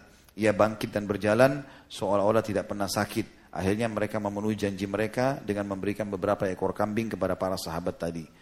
Tentu riwayat yang panjang lebar, riwayat Bukhari Muslim ini teman-teman memberikan gambaran kepada kita tentang, mohon maaf, masih ada lanjutan riwayat. Lalu kemudian mereka memenuhi janji mereka, mereka memberikan beberapa ekor kambing kepada para sahabat. Sebagian di antara mereka berkata kepada sebagian yang lain, bagi-bagikanlah. Orang yang melakukan rukyah itu berkata, jangan lakukan sesuatu sebelum kita menjumpai Rasulullah Sallallahu Alaihi Wasallam biar kita beritahukan kepada beliau dan kita lihat apa yang beliau perintahkan nanti. Dan ini bentuk kepatuhan para sahabat kepada baginda Nabi alaihissalam. Walaupun mereka sudah rukia, sudah sembuh kepala suku, sudah dapat berapa ekor kambing, mereka bisa sembeli dan makan, menikmati daging kami, tapi mereka tidak mau sampai menemui Nabi SAW. Datanglah mereka menemui Rasulullah SAW dan menceritakan kepada beliau semua yang terjadi, lalu beliau bertanya, dari mana engkau tahu bahwa Al-Fatihah itu adalah rukia? Kemudian beliau melanjutkan, kalian telah bertindak benar. Bagi-bagikanlah kambing-kambing itu dan berikanlah kepadaku jatah pembagian itu. Dan ini diriwayatkan juga oleh Imam Tirmidzi, Ibnu Majah dan Imam Ahmad selain Imam Bukhari dan Imam Muslim. Dan riwayat ini juga menjelaskan kepada kita kata sebagian ulama teman-teman sekalian bahwasanya bolehnya merukyah dan bolehnya menghubungkan antara rukyah dengan pendapatan. Jadi nggak apa-apa orang teman-teman yang merukyah itu kemudian dia mau minta dibayar sekian. Itu haknya dia. Sahabat ini dalam riwayat Bukhari ini mengatakan bahwasanya dia mau merukyah tapi dengan syarat diberikan beberapa ekor kambing dan dan mereka terima. Dan Nabi SAW menerima keputusan itu dan bahkan minta makan sebagian dari kambing itu. Ya, dan ini hadis sudah kita jelaskan tadi. Ibnu Majah juga meriwayatkan dalam sunannya dari hadis Ali, ia berkata Rasulullah SAW bersabda, sebaik-baik obat adalah Al-Quran. Pada saat menjelaskan tentang bolehnya ya, seseorang itu merukyah dengan ayat-ayat Al-Quran. Ya. Tentu selain surah Al-Fatihah, maka cukup banyak riwayat yang menjelaskan beberapa ayat-ayat yang pernah dibaca oleh para sahabat. Ya, yang intinya ayat-ayat tersebut berhubungan dengan masalah pembatalan sihir atau penghancuran terhadap kejahatan-kejahatan atau siksaan di api neraka bagi orang-orang yang berbuat jahat dan seterusnya. Ya. Intinya bukan syirik, dia memilih ayat-ayat, dia niatkan itu menjadi penyebab sembuh maka dibolehkan. Seperti itulah. Kemudian juga termasuk ada riwayat yang menjelaskan bolehnya tadi sengatan binatang secara umum. Ini juga ada sendiri Ibnu Qayyim sebutkan tentang kalajengking. Ya. Kalajengking salah satu hewan yang boleh dibunuh tentunya ya. Sebagaimana sabda Nabi SAW, lima hewan yang boleh dibunuh dalam keadaan apa pun, ya, baik dalam keadaan perang, tidak perang, ya, di wilayah haram, bukan di wilayah haram, wilayah haram maksudnya di Mekah sama Madinah. Itu adalah kala jengking, ular, ya, kemudian burung gagak yang dadanya ada bulu warna putihnya, ya, kemudian uh, uh, tikus, ya, lalu kemudian satu lagi itu bukan cecak riwayatnya lain, Ya.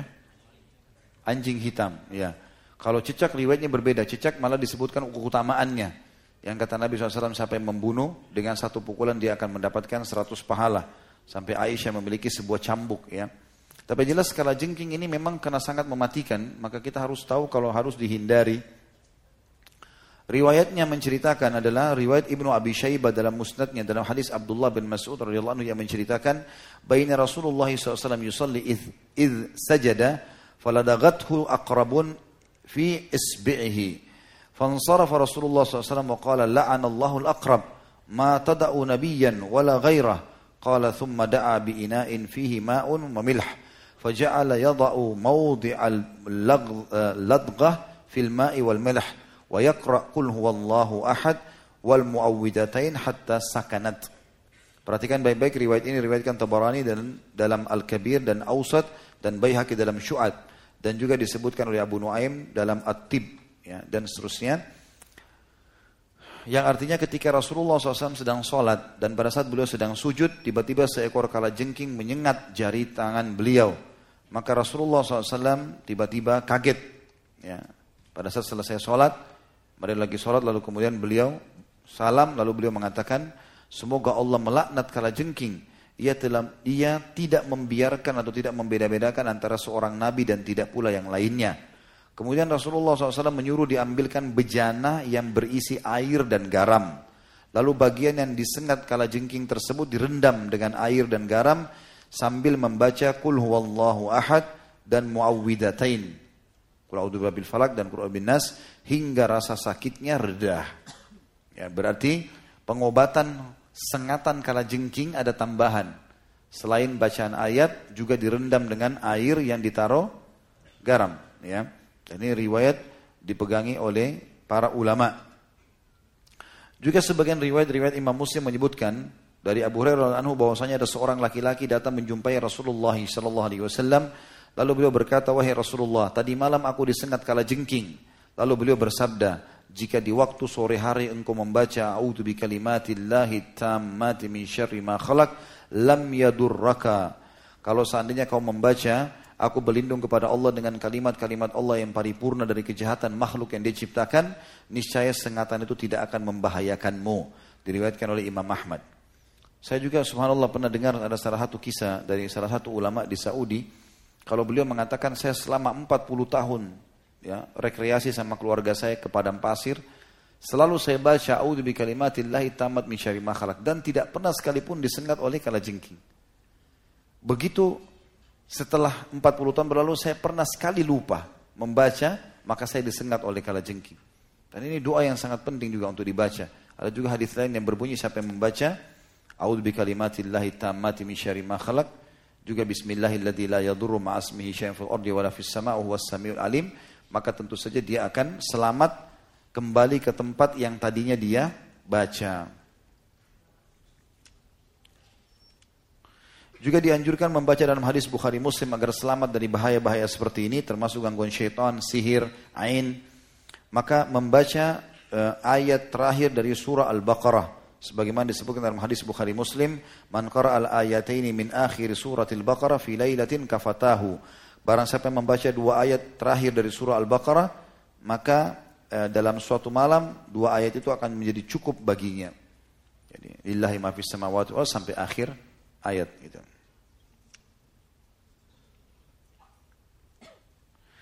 Juga dalam riwayat Abu Daud disebutkan bahwasanya kalau baginda Nabi SAW hendak melakukan perjalanan beliau mengucapkan di waktu malam ya ardu rabbi wa rabbukillah a'udzu billahi min syarriki wa syarri ma fiki wa syarri ma yadubbu alayki a'udzu billahi min asadin wa aswad wa min al-hayyati wal aqrab wa min sakinil baladi wa min walidin wa ma walad. Artinya wahai bumi Nabi SAW mengucapkan ini, Robku dan Robmu adalah Allah. Aku berlindung kepada Allah dari kejahatanmu dan kejahatan segala yang ada padamu. Maksudnya keburukan. Serta kejahatan segala makhluk yang merayap di atasmu. Aku berlindung kepada Allah dari bahaya singa dan jin. Dan dari bahaya ular dan kalajengking. Dan dari bahaya penduduk negeri. Dan bahaya ayah dan anak. Artinya di sini bahayanya orang-orang yang mengganggu dalam perjalanan. Dan ini termasuk teman-teman sekalian dimaksud dengan rukyah yang dibolehkan. Ibnu Qayyim juga menghususkan bab khusus namanya petunjuk Nabi SAW rukyah terhadap penyakit semut. Tadi yang saya bilang itu. Jadi kita dengarkan bagaimana riwayat menjelaskan masalah itu. Di dalam hadis yang sahih riwayat Imam Muslim disebutkan bahwa Rasulullah SAW memberi izin untuk melakukan rukyah terhadap sihir, ain dan penyakit semut. Jadi di sini teman-teman sekalian riwayat-riwayat ini semuanya membolehkan rukyah. Ya, dan Allah alam dari riwayat-riwayat ini berarti lebih cenderung pendapat mengatakan sebenarnya bukan larangan tadi 70 ribu itu, gitu kan? Tapi di sini adalah yang dimaksud larangan itu kalau rukyahnya yang menggunakan bahasa e, etimologinya secara bahasa itu minta-minta dimantrain. Karena ada juga orang kadang-kadang ya, mungkin dia menggunakan bahasa Arab, mungkin dia menggunakan tulisan Arab, tapi itu bukan bukan rukyah syariah. Bukan ayat-ayat Al-Quran, bukan doa-doa dari Nabi SAW, tapi dia karang-karang. Orang tidak tahu karena dianggap bahasa Arab maka dipakai. Nah itu yang termasuk rukyah yang dilarang. Gitu kan? Kalau rukyah syariah jelas sekali dalilnya. Dan semua ini hadis kita bacakan untuk menjelaskan masalah itu. Karena ada di antara ikhwah bahkan dulu sudah sakit parah, kena sihir bertahun-tahun. Didatangi oleh seorang ikhwah yang memang merukyah juga. Gitu kan? Datang ke dia, duduk ngobrol lama dia keluhkan penyakitnya. Lalu ini ikhwah ini bilang sama saya, ah ini bilang sama saya. Saya sebenarnya sudah niat mau rukyah dia, tapi dia ngobrol terus. Saya nggak tahu harus memulainya kapan gitu. Lalu kemudian saya bilang, akhi, kenapa nggak rukyah? Lalu kemudian dia bilang, saya tunggu kalimat itu. Supaya nanti saya ditawarkan rukyah baru saya rukyah. Gitu. Ini orang sudah bertahun-tahun sakit ini. Kalau seperti ini pemahamannya teman-teman sekalian, maka akan banyak riwayat kita tolak kan gitu. Ternyata harusnya tidak boleh minta rukyah. Padahal riwayat-riwayat Nabi SAW bolehkan. Aisyah mengatakan saya diperintahkan oleh Nabi SAW. Para sahabat tadi sudah banyak riwayat yang kita sebutkan melakukan gitu kan. Bahkan mereka minta imbalan dari itu. Ini harusnya difahami dengan bijak dalam masalah ini. Di sini dalam riwayat Imam Muslim dikatakan Rasulullah SAW memberi izin untuk merukyah terhadap sihir, ain dan penyakit semut. Dalam surah Nabi Daud disebutkan riwayat dari Syifa binti Abdullah yang menceritakan Rasulullah SAW pernah menemuiku saat aku sedang bersama dengan Hafsah, istri Nabi SAW. Beliau bertanya, kenapa engkau tidak mengajarkannya rukyah terhadap penyakit semut seperti engkau mengajarkannya menulis? Ya.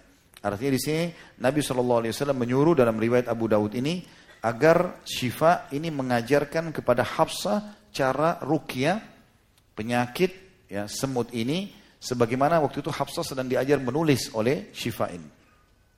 Kata beliau, Ibnu Qayyim rahimahullah, penyakit semut adalah sejenis korengan yang muncul di antara kedua kening. Ya.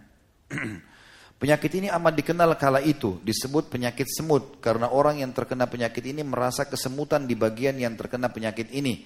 Seolah-olah dikerumuni dan digigit semut. Penyakit ini ada tiga jenis. Ada yang biasa, ada yang lebih keras, ada yang lebih parah sampai membuat kuris terkelupas. Ibnu Qutaibah dan ulama lain menyatakan kalangan, kalangan majusi, penyembah api, meyakini bahwa tubuh semut yang ditumpuk bisa menjadi obat seseorang anak yang terkena penyakit semut. Seperti diungkapkan oleh mereka. Tapi ini bukan jadi rujukan, karena kita cukup dengan rukyah syariah. Kemudian beliau juga menyebutkan khusus bab tentang rukyah sengatan ular. Riwayatnya, adalah hadis riwayat Bukhari, Muslim, Nasai dan Imam Ahmad.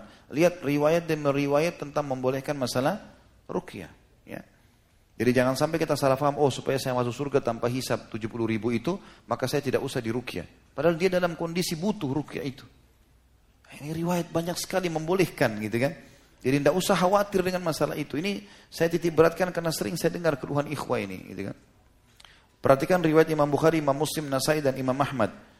Kata beliau, Nabi SAW bersabda tidak ada rukyah selain untuk penyakit ain dan sihir. Dalam sunan Ibnu Majah disebutkan dari hadis Aisyah Rasulullah SAW memberi izin untuk merukyah dari terhadap gigitan ular dan sengatan kala jengking.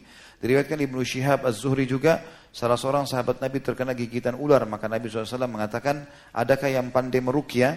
Maka mereka menjawab, wahai Rasulullah, sesungguhnya keluarga Hazm bisa melakukan rukyah untuk pengobatan gigitan ular. Karena engkau melarang rukyah, mereka meninggalkan kebiasaan itu. Maka beliau berkata, panggilkan Umarah, ya Umarah bin Hazm. Mereka pun memanggil lalu ia ditawarkan untuk merukyah. Beliau SAW lalu menegaskan tidak apa-apa. Maka ia pun melakukan dengan izin Rasulullah SAW merukyah orang tersebut. Hah? Jelas nggak ini? Kenapa senyap ini? Hah? Faham nggak ini? Baik, Alhamdulillah. Karena ini yang penting teman-teman. Ternyata apa yang antum fahami tidak boleh minta rukyah, difahami juga oleh sahabat Nabi dulunya. Riwayat Bukhari Muslim ini. Ternyata mereka berhenti merukyah gara-gara dengar Nabi bilang 70 ribu masuk surga tanpa hisab, dan tidak merukyah. Lalu Nabi panggil dia, dipanggil pimpinan sukunya namanya Umar bin Hazm. Lalu kemudian Nabi mengatakan, lakukanlah, tidak apa-apa. Rukyahlah, minta rukyah. Lalu kemudian mereka melakukan dengan izin Rasulullah sallallahu alaihi wasallam. Kemudian juga Ibnu Qayyim menyebutkan teman-teman sekalian bab khusus tentang rukyah ya. Kalau kena penyakit apa saja, luka apa saja boleh dirukyah. Terkena pisau, terkena jatuh ke seleo, ya, patah tulang, semuanya boleh digunakan itu. Semuanya. Karena Rasulullah SAW pernah menemukan di zaman dulu, disebutkan Imam Bukhari Muslim, dahulu di masa Rasulullah SAW kata Aisyah anha, apabila ada orang yang mengeluh karena koreng atau luka, beliau melakukan seperti itu dengan jarinya. Maksudnya dengan menyentuhkan jari beliau ke atas tanah. Jadi jari beliau ditentukan di atas tanah, kemudian mengangkatnya sambil beliau membaca Bismillahi turbati ardina.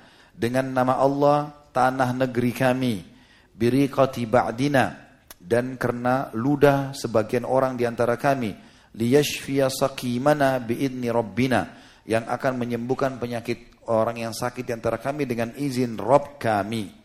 Hadis ini juga diriwayatkan Abu Daud, Nasai, Ibnu Majah dan Imam Ahmad. Tapi penting diriwayatkan oleh Imam Bukhari Muslim. Kemudian Nabi SAW menempelkan tangan beliau ke luka itu. Jadi disentuhkan dengan tanah dan debu. ya Kemudian ditempelkan. Dan ini hadis-hadis sahih menyebutkan masalah itu tentunya. Dan ulama menarik ini mengatakan ini semuanya masuk kepada semua penyakit, apa pun itu. Termasuk beliau mengatakan di negeri panas biasa orang merasakan penyakit demam, atau di musim dingin orang merasakan meriang dan seterusnya, atau apa pun keluar e, dari luka badan ya yang memang sifatnya tidak normal, maka rukyah. Dan lebih jauh daripada itu sebagian ulama mengatakan bahkan penyakit yang dianggap seringan apa pun oleh manusia. Di antaranya flu, demam semuanya, maka boleh merukyahnya. Sebagaimana Nabi SAW menyebutkan dalam hadis yang sahih, siapa pun yang sedang sakit lalu dia pegang tempat sakitnya. Kemudian dia membaca dalam hadis sahih riwayat Imam Muslim, ya, dari Uthman bin, A, bin Abil As diceritakan bahwa ia pernah mengeluh kepada Rasulullah SAW mengenai sakit yang dirasakan pada tubuhnya semenjak ia masuk Islam. Maka Nabi SAW bersabda, letakkan tanganmu di atas bagian tubuhmu yang sakit. Saya di sini diletakkan. Lalu ucapkan Bismillah tiga kali. Bismillah, Bismillah, Bismillah. Lalu baca doa ini tujuh kali. A'udhu bi'izzatillahi wa qudratihi min syarri ma ajidu wa uhadiruh. Hadis ini sahih diriwayatkan Ibnu Majah, Ahmad dan Tabarani. Aku berlindung kepada aku berlindung dengan kemuliaan dan kekuasaan Allah dari keburukan apa yang ku dapati dan ku khawatirkan akan terjadi. Ini dibaca tujuh kali sambil memegang tempat sakit. Artinya, flu pun kita bisa pegang hidung, sakit kepala bisa pegang kepala. Dan subhanallah saya pribadi teman-teman praktikkan lagi sakit kepala misalnya. Saya pegang baca ini subhanallah hilang seketika. Lagi rasa nggak nyaman, pegel badan, apa saja.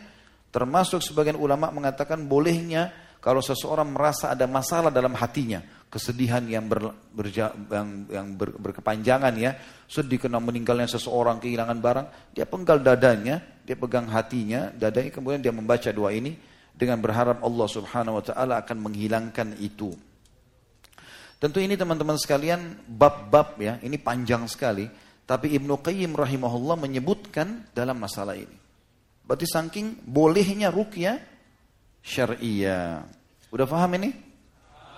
Alhamdulillah. Itu yang saya butuhkan suara. Kalau senyap nggak ada suara dari mana saya tahu paham atau enggak? Dari tadi saya sudah teriak-teriak nih. Ya. Kemudian yang terakhir teman-teman tawakal. Tawakal kepada Allah. Kita akan bedakan teman-teman antara tawakal dengan tawakul. Ya. Kalau tawakul, kita mulai dari tawakul. Tawakul istilah yang digunakan dalam bahasa Arab bagi orang yang tidak berusaha tapi pasrah kepada Allah. Sementara tawakal adalah orang yang berusaha baru dia menyerahkan kepada Allah. Beranjak daripada hadis Bukhari tentang seorang sahabat yang datang pada baginda Nabi SAW kemudian dia mau ikut pengajian sambil pegang untanya, gitu kan? Ternyata pada saat dia pegang tali untanya, dia mau masuk ke masjid, dia bilang nggak usah diikat deh. Tawakal tu Allah. Saya bertawakal kepada Allah. Nggak diikat untanya. Begitu kakinya masuk masjid, untanya lari. Maka dia kejar untanya. Unta ini hewan yang susah untuk dikejar. Unta itu bisa tiga hari tiga malam nggak minum nggak makan lari terus. Bagaimana manusia mau kejar gitu? Dia lari-lari nggak ketemu sampai untanya lari dari luar kota Madinah. Begitu dia kembali ke masjid, pengajian sudah bubar. Maka unta hilang, ilmu hilang. Dia sedih. Nabi SAW tahu dia. Kenapa kau? Ya Rasulullah tadi begini kejadiannya. Saya datang pakai unta, saya tawakal kepada Allah, ternyata untanya lari. Saya kejar-kejar, saya balik pengajian sudah selesai. Kata Nabi SAW, salah, keliru itu. Ikilha, ikat dulu untamu, wa tawakkal Allah, baru tawakal. Kunci dulu motormu, sama mobilmu baru tawakal. Buka semua, nggak apa-apa tawakal. Dicurilah. Nggak boleh ini. Ikhtiar dulu baru tawakal. Tapi tawakal penting teman-teman sekalian, harus dilakukan. Bahkan penulis di sini dalam buku kita menekankan pasal apa bab sendiri Maksudnya sub pasal sendiri lebih panjang daripada kisahnya Ukasha radhiyallahu anhu tentang masalah tawakal. Beliau mengatakan kalimat yang mulia, sungguhnya umat Islam menjadi hina setelah tadinya mulia. Umat Islam menjadi miskin setelah tadinya kaya. Umat Islam melemah setelah sebelumnya kuat, bodoh setelah sebelumnya berilmu. Hal ini karena umat meninggalkan tawakal kepada Robnya. Umat Islam pergi untuk mencari kemuliaan terkadang ke timur yang ateis atau terkadang ke barat yang kafir. Umat Islam lupa bahwa hanya Allah lah pemilik pembahandaraan langit. Allah lah pemilik perbendaharaan langit dan bumi. Sebagaimana Allah firman dalam surah Fatir ayat 10. A'udzu billahi minasyaitonir rajim. Man kana yuridul izzata falillahil izzatu jami'a. Barang siapa yang menghendaki kemuliaan maka ketahuilah kemuliaan itu seluruhnya milik Allah. Bukan kita tidak boleh mendatangi negara kafir, tapi banyak orang membangga-banggakan agamanya sendiri, dibandingkan negaranya sendiri tidak bertawakal kepada Allah tentang apa yang sudah Allah cukupkan bagi dia. Beliau mengangkat banyak sekali kisah, seperti misalnya kisah yang masyhur tentang Auf bin Malik al-Ashja'i radhiyallahu anhu, sahabat Nabi ini ya. Saya tidak tahu dalam bahasan kita nanti ada beliau atau tidak, tapi yang jelas ini disebutkan oleh penulis dalam kisah Akasha bin Muhsin radhiyallahu anhu tentang sebab turunnya firman Allah surah At-Talaq ayat 2 sampai ayat 3. A'udzu billahi minasyaitonir rajim. Wa may yattaqillaha yaj'al lahu makhraja. Siapa yang bertakwa kepada Allah, Allah akan berikan kepadanya jalan keluar dari masalahnya. Wa yarzuqhu min haitsu la yahtasib dan diberikan rezeki dari tempat tidak disangka-sangka. Para ahli tafsir menafsirkan ayat ini berkata, sungguhnya ayat ini berlaku umum. Namun ayat ini turun kepada seseorang khusus namanya Auf bin Malik al-Ashja'i radhiyallahu anhu. Orang-orang musyrikin menawan anaknya. Maka dia datang kepada Nabi SAW untuk mengadukan kemiskinan dan dia juga mengadukan anaknya. Maka dia berkata, wahai Rasulullah, musuh telah menawan anakku dan ibunya sangat bersedih. Apa yang engkau perintahkan kepadaku?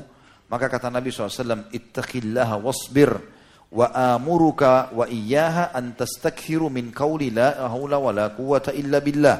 Bertakwalah engkau dan bersabarlah dan aku memerintahkan kepadamu dan kepada istrimu agar memperbanyak mengucapkan la haula wala quwata illa billah. Jadi dia sudah coba ikhtiar, anaknya ikut jihad, ternyata semua pasukan pulang kecuali anaknya. Ditanya teman-temannya, mereka mengatakan tidak ada. Jadi kemungkinan ditawan oleh orang-orang musyrik. Dan betul memang anaknya lagi ditawan, lagi disiksa oleh orang-orang musyrik. Maka dia sudah ikhtiar, dia sudah tanya sana sini, dia juga mau pergi ke sana, nggak bisa, pasukan sudah pulang. Jadi tunggu perintah dari Nabi SAW. Maka dia tanya kepada Nabi. Nabi bilang, baca la hawla wa la quwata illa billah. Perbanyak itu. Tidak ada daya dan kekuatan kecuali kepada Allah. Artinya kami sudah ikhtiar, kami serahkan kepadamu ya Allah. Maka Auf dan istrinya pun melakukan itu sepanjang semalam suntuk. Ketika mereka sudah ngantuk tertidur, mereka tiba-tiba mendengarkan suara pintu diketuk oleh seseorang. Dan ternyata pada saat mereka membuka pintu, mereka melihat anaknya datang sambil membawa seratus ekor unta. Waktu ditanya, bagaimana ceritanya? Ayahnya tanya, si ini Auf bertanya kepada anaknya, bagaimana ceritanya kau bisa lolos nak? Dia bilang memang saya betul ditawan oleh musuh. Tapi pada saat ya mulai beberapa saat yang lalu, jadi rupanya mulai Auf memulai membaca la haula wala quwata illa billah itu. Dia bilang saya merasa rantai-rantai yang diikat di kaki dan tangan saya mulai melonggar sehingga saya bisa melepaskannya. Kemudian saya pun mengambil unta-untanya lalu kemudian saya jalan pulang ke Madinah. Seperti itulah Allah Subhanahu wa taala memberikan kepadanya. Lalu kata para ulama, inilah sebab turun ayat Allah tadi surah At-Talaq. Nabi SAW memotivasi kita agar selalu bertawakal kepada Allah. Tentu tadi saya sudah jelaskan definisinya setelah ikhtiar, tawakal. Dalam hadis riwayat Imam Ahmad, Tirmidzi, Ibnu Majah dan Hakim dan disahihkan oleh Syekh Al-Bani, Nabi SAW bersabda, "Lau annakum tatawakkaluna 'ala Allah haqqa tawakkulihi la razaqakum kama yarzuqu at-tayr taghdu khimasan wa taruhu bitana." Seandainya kalian bertawakal kepada Allah dengan sebenar-benar tawakal, niscaya Dia akan memberi kepada kalian rezeki sebagaimana Dia memberi rezeki kepada burung. Ia berangkat pagi dalam keadaan lapar dan pulang sore dalam keadaan kenyang. Lihatlah kata beliau seekor burung yang lemah, dia hanya memiliki sebab-sebab rezeki yang sedikit, namun ia bertawakal kepada Allah, dia bertasbih memujinya siang dan malam, maka Allah SWT pun memberikan kepadanya. Allah menyebutkan dalam surah An-Nur ayat 41, A'udzu billahi minasyaitonir rajim, alam tara anna Allah yusabbihu lahu man fis samawati wal ardi wat tayru saffat. Kullun qad alima salatahu wa tasbihah wallahu alimun bima yaf'alun. Tidakkah engkau hai Muhammad tahu bahwasanya kepada Allah lah bertasbih apa saja yang ada di langit dan di bumi, artinya tunduk dan patuh kepadanya dan juga burung dengan mengembangkan sayapnya Masing-masing sungguh telah mengetahui cara berdoa dan bertasbih. Allah maha mengetahui apa yang mereka kerjakan. Kemudian kisah yang lain teman-teman sekalian seorang ulama, salah seorang ulama berkata, demi Allah aku telah melihat seekor ular buta yang hidup di puncak pohon kurma yang tinggi. Ia didatangi seekor burung kecil secara berkala. Burung itu berdiri di depannya dan mengeluarkan suara tertentu, maka ular itu pun membuka mulutnya. Lalu burung itu meletakkan makanan di mulut ular buta tersebut. Lalu beliau mengatakan, siapa yang mengirim burung kecil ini kepada ular tersebut? Siapa yang menjadikan ular ini tidak memangsa burung itu? Dia adalah Rob langit dan bumi yang memberikan rezeki kepada ulat dalam perut batu. Juga kisah yang masyhur tentang Nabi Musa alaihissalam dan ibunya sangat terkenal. Ibunya Nabi Musa AS ketakutan pada saat dia masih kecil dan ini contoh yang sangat luar biasa di mana ibu Nabi Musa AS dengan keyakinannya dan pasrahnya kepada Allah setelah ikhtiar membungkus Musa menaruh dalam kotak diikat dengan tali di belakang rumahnya di atas sungai Nil maka kemudian lepas maka dia pun bertawakal kepada Allah. Maka Allah mengembalikan itu kepada ibunya Musa alaihissalam dalam surah Al-Qasas ayat 7 disebutkan juga ya, disebutkan dalam uh, surah Al-Qasas ya maaf uh, surah Toha ayat 39, Al-Qasas maaf, Al-Qasas ayat 7 dan ayat 14. Juga disebutkan dalam Al-Qasas 12 dan ayat 13, semua berhubungan dengan kisah ibunya Nabi Musa alaihissalam. Begitu pula dengan kisah Nabi Musa sendiri alaihissalam pada saat sudah dikejar oleh Fir'aun dan sudah sampai di depan Laut Merah. Di depannya laut merah, laut yang luas, di belakangnya pasukan Firaun yang banyak dengan pasukan dengan pedangnya dengan segala macam perlengkapan perangnya akan membantai. Mereka mengatakan qala ashabu Musa inna lamudrakun dalam surah Asy-Syura ayat 61. Sungguh kami betul-betul akan dikejar dan tersusul hai Musa. Maka Musa dengan penuh tawakal dan pasrah kepada Allah mengatakan kalla inna ma iya rabbi sayahdin. Tidak mungkin Tuhanku pasti akan memberikan kepada aku petunjuk. Maka Allah pun memberikan petunjuk pada saat itu dalam surah Asy-Syu'ara ayat 62 sama 63 bunyi 63-nya fa'auhayna ila Musa anidrib bi'asakal hajar famfalaka fakana kullu firqin kattaudil azim. Maka kami wahyukan kepada Musa agar pukullah tongkatmu ke laut merah maka terbelah lautan tersebut dan setiap belahan seperti gunung yang besar. Kata para ulama siapa yang menyangka? Bahkan Musa sendiri alaihissalam tidak pernah menyangka kalau tongkatnya yang kecil itu yang cukup untuk menggembala domba itu bisa ya, memecahkan lautan dan akhirnya membuat airnya besar. Musa pun cuma bertawakal kepada Allah. Selebihnya haknya Allah yang mengambil keputusan. Disebutkan bahwasanya Silah bin Ashha, Ashyam sebagaimana dinukil oleh Az-Zabi dalam Sirah Alam Nubala, ini adalah kisah yang sahih. Dikatakan Silah adalah seorang tabi'in yang mendapati zaman Nabi SAW tapi tidak melihat beliau. Jadi orang kalau tidak lihat Nabi dengan mata kepala maka dikatakan tabi'in. Di perjalanan pulang dari sebuah peperangan, kudanya mati. Maka dia berkata, Ya Allah, janganlah engkau menjadikan seseorang mempunyai jasa baik atasku karena aku tidak suka meminta kepada selainmu. Maka Allah menghidupkan kudanya dan dia mengendarinya kembali. Ketika tiba di rumah, dia berkata kepada Muhammad, anaknya dia, anaknya eh, tabi'in ini, Wahai anakku, ambillah pelana kuda itu karena ia adalah pinjaman. Maksudnya pinjaman dari Allah maka pada saat anaknya mengangkat pelananya, kuda itu pun mati. Ya. Jadi bagaimana tawakalnya luar biasa. Ini bagi teman-teman yang masih takut tinggalin pekerjaan karena haram, tawakal kepada Allah. Ya, ini. Takut melangkah, takut hijrah, takut berubah. Ini semua adalah hal yang harus ditepis teman-teman sekalian. Juga disebutkan tentang buah tawakal ini adalah bagaimana pada saat Uqbah bin Nafi' radhiyallahu anhu beliau menyeberangi sungai dengan kuda-kuda ya pada saat itu dan bahkan mereka saling berbincang satu sama yang lain ya. Pada saat itu mereka saling berbincang satu sama yang lain bahwasanya kita akan pulang ke Madinah dan kita akan menang dan seterusnya gitu kan.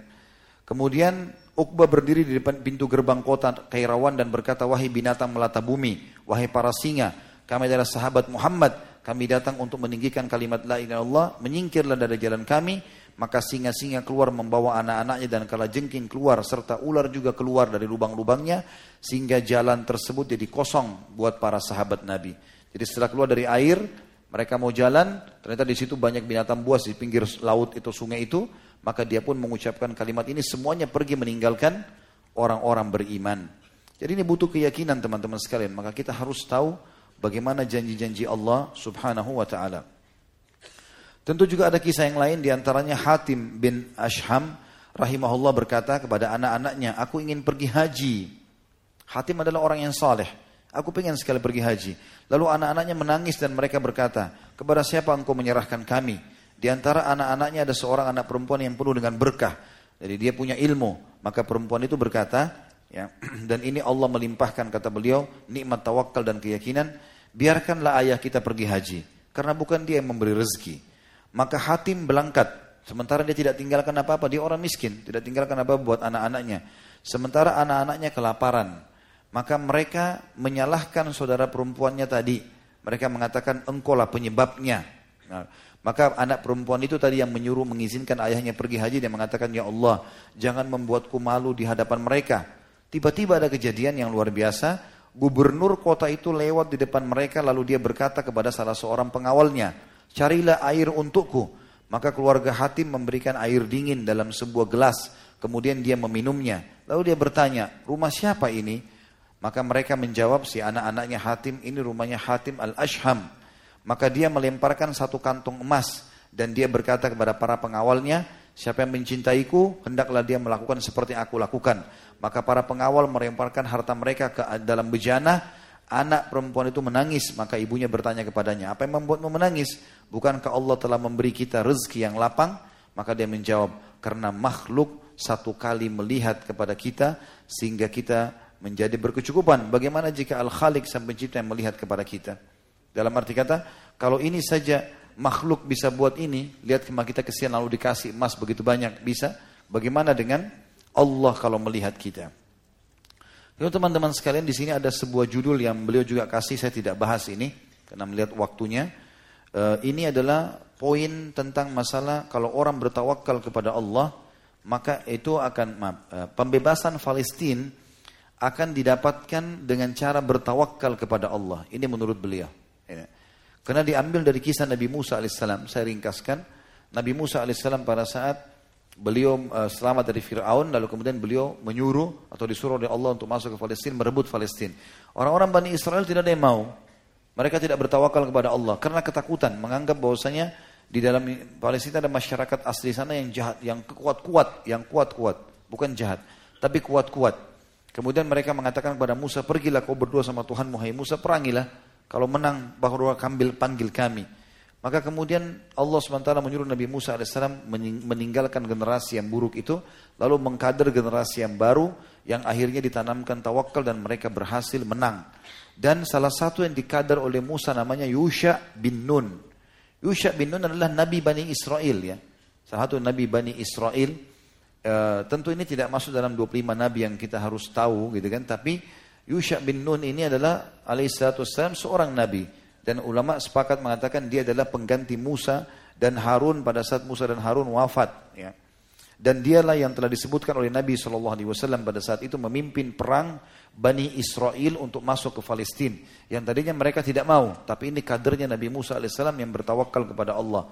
Maka Nabi SAW mengatakan, ma hubisat syams ala basharin qat illa ala yusha ibn illa ala yusha ibn nun layaliya sara ila baitil maqdis. Matahari tidak pernah ditahan sekalipun untuk seseorang kecuali Yusha bin Nun. Pada sore hari di mana dia akan menaklukkan Baitul Maqdis. Hadis ini disebutkan oleh Al-Baghdadi dalam Khatib Baghdadi Ahmad Ibnu As-Sakir dari Abu Hurairah radhiyallahu anhu dan disebutkan dalam Sahihul Jami' nomor 5612 ya. Jadi beliau mengatakan ternyata dengan bertawakal kepada Allah SWT, mestinya kalau sekarang ada pasukan muslimin yang berani, kemudian mereka bertawakal kepada Allah menembus Palestina, maka pasti menang. Seperti itulah. Ini harapan penulis menjelaskan masalah itu. Karena pernah terjadi begitu. Di zaman Yusha bin Nun alaihissalam dimenangkan oleh Allah SWT karena tawakalnya kepada Allah subhanahu wa ta'ala. Baik kita tutup teman-teman sekalian setelah menjelaskan panjang lebar tadi itu dengan sisa daripada pelajaran jadi ada empat hal tadi kita tidak kai sudah kita jelaskan boleh pada saat-saat dia pengobatan terakhir dan ahlinya saja dan bukan dilarang. Kemudian yang kedua masalah tatayur sudah kita jelaskan kalau ini secara mutlak dilarang. Kemudian rukyah panjang lebar sudah kita paparkan juga ini dibolehkan ya, tapi dengan cara-cara syar'i. Kemudian bertawakal kepada Allah juga sudah kita paparkan panjang lebar gitu. Sekarang teman-teman sekalian tinggal kita masuk ke masalah itu tadi eh, pelajaran yang kita bisa ambil yang pertama dari kejadian Ukasha, dari hadis tadi. Ada kurang lebih beberapa pelajaran. Yang kedua, keutamaan kebersihan dan menjaga kerapian, serta juga ketampanan, kecantikan, perawatan. Karena itu disebutkan bahwasanya Ukasha sangat menyukai kebersihan dan juga menjaga kerapiannya. Dan ini sesuai dengan Sabda Nabi Wasallam, Inna Allah jamilun yuhibbul jamal. Allah itu indah, rapi, bersih, semua masuk dalam makna jamal itu dan menyukai itu, menyukai itu. Jadi jangan sampai teman-teman sekalian kita menjadi seorang muslim lalu kita kotor, kumuh, ya berpenampilan yang tidak baik itu tidak benar. Badannya bau, mulutnya nggak nyaman, itu nggak benar semua. Harus dirapikan. Dan ini sudah sering saya jelaskan tentang masalah keutamaan ini teman-teman sekalian. Cukuplah sabda Nabi SAW ini Allah itu indah, suka keindahan. Jadi rumah, kendaraan, pakaian, semuanya ini harus dijaga dan dibuat sebagus mungkin. Gitu ya. Yang ketiga, termasuk pelajaran yang kita bisa ambil adalah keutamaan syaja'ah atau keberanian. Karena terkenal Ukasha dengan keberaniannya radhiyallahu anhu. Dan ini memang sifat orang mukmin. Tidak boleh kita jadi pengecut. Yang dimaksud syaja'ah keberanian adalah membela kebenaran. Kalau hak kita diambil, kita bela, gitu kan. Ini yang penting untuk digarisbawahi sebagaimana Nabi SAW beristiadah dari penyakit jubun.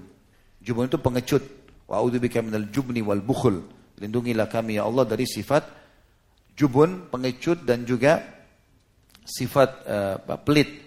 Dan kita tahu Nabi SAW tidak pernah sama sekali mendengarkan ada pasukan yang mau menyerang Madinah atau menyerang muslimin kecuali beliau mulai menyerang mereka. Yang keempat, keutamaan orang yang cerdas. Dan kita harusnya bisa seperti itu, jeli. Ya. Dan kata Nabi SAW, Al-mu'minu qayyisul fatin. Orang mukmin itu cerdas, cerdas dan jeli. Tidak jangan biarkan teman-teman sekalian kesempatan untuk beramal soleh kecuali kita harus dahulu di situ dan juga kalau ada keburukan kita yang paling pertama jauhi. Ini harus kita lakukan karena ini keutamaan orang yang cerdas dan ini termasuk juga hal yang harus kita garis bawahi. Bagaimana kejelian Ukasha di sini dengan kecerdasannya menangkap peluang-peluang ibadah. Yang kelima, keutamaan majelis ilmu. Karena Nabi SAW sebutkan dalam majelis ilmu beliau tentang tadi hadis itu kan, 70 ribu masuk surga tanpa hisab. Dan banyak riwayat sudah kita bacakan. Dan juga pentingnya seseorang untuk bertanya kalau tidak jelas dan menjelaskan kalau belum jelas gitu kan dari dari pematerinya serta juga bolehnya orang-orang berdiskusi secara ilmiah sebagaimana tadi ada riwayat yang menjelaskan pada saat Nabi Wasallam selesai mengatakan ya tentang ada tujuh dari umatku masuk surga tanpa hisab kemudian Nabi SAW masuk ke rumahnya dalam riwayat Ibnu Abbas radhiyallahu anhu Lalu kemudian para sahabat berdiskusi, siapa ya mereka? Siapa ya mereka? Diskusi. Lalu mereka saling menjelaskan satu sama yang lain. Mungkin orang yang lahir dalam keadaan Islam tapi tidak pernah syirik, mungkin ini dan mungkin itu. Seperti itulah. Ya. Berarti ini dibolehkan. Kemudian juga hadis yang keenam atau eh, pelajaran yang keenam adalah fadilah atau keutamaan Nabi SAW sendiri. Bagaimana beliau SAW nanti akan diberikan umat yang sangat banyak pada hari kiamat ya. Karena Nabi SAW mengatakan dalam hadis itu tadi kalau beliau diperlihatkan umatnya yang sangat banyak pada hari kiamat. Dan ini sudah banyak kalau kita mau bahas ini panjang sekali tentang keutamaan baginda Nabi Alaihissalam cukuplah beliau satu-satunya Nabi yang diutus untuk seluruh alam semesta, gitu kan? Dan dalam hadis ini dikatakan pengikutnya paling banyak. Kemudian yang ketujuh teman-teman keutamaan umat ini sendiri. Kita umat Islam punya keutamaan. Karena nanti kita orang yang paling banyak jumlahnya hari kiamat dan juga memang ada sabda Nabi Shallallahu Alaihi Wasallam tidak ada eh, maaf surga diharamkan untuk nabi-nabi sebelum aku masuk dan diharamkan untuk umat-umat sebelum umatku masuk punya keutamaan dan kata Nabi SAW dalam hadis Sahih riwayat Ahmad dan Hakim dalam kitab Mustadraknya kata Nabi SAW eh, tidak ada umat sebelum kalian kecuali berharap menjadi kalian ini ada keutamaan dan yang terakhir teman-teman sekalian ada penjelasan tentang adanya kelompok yang masuk surga tanpa hisab dan azab dan ada orang yang masuk surga tapi melalui hisab. Ya, melalui hisab. Kalau orang tanpa hisab dan azab artinya betul-betul sudah tidak ditimbang lagi amalnya. Sama sekali. Gak ada timbangan amal lagi dan ini tentu target utama seorang muslim.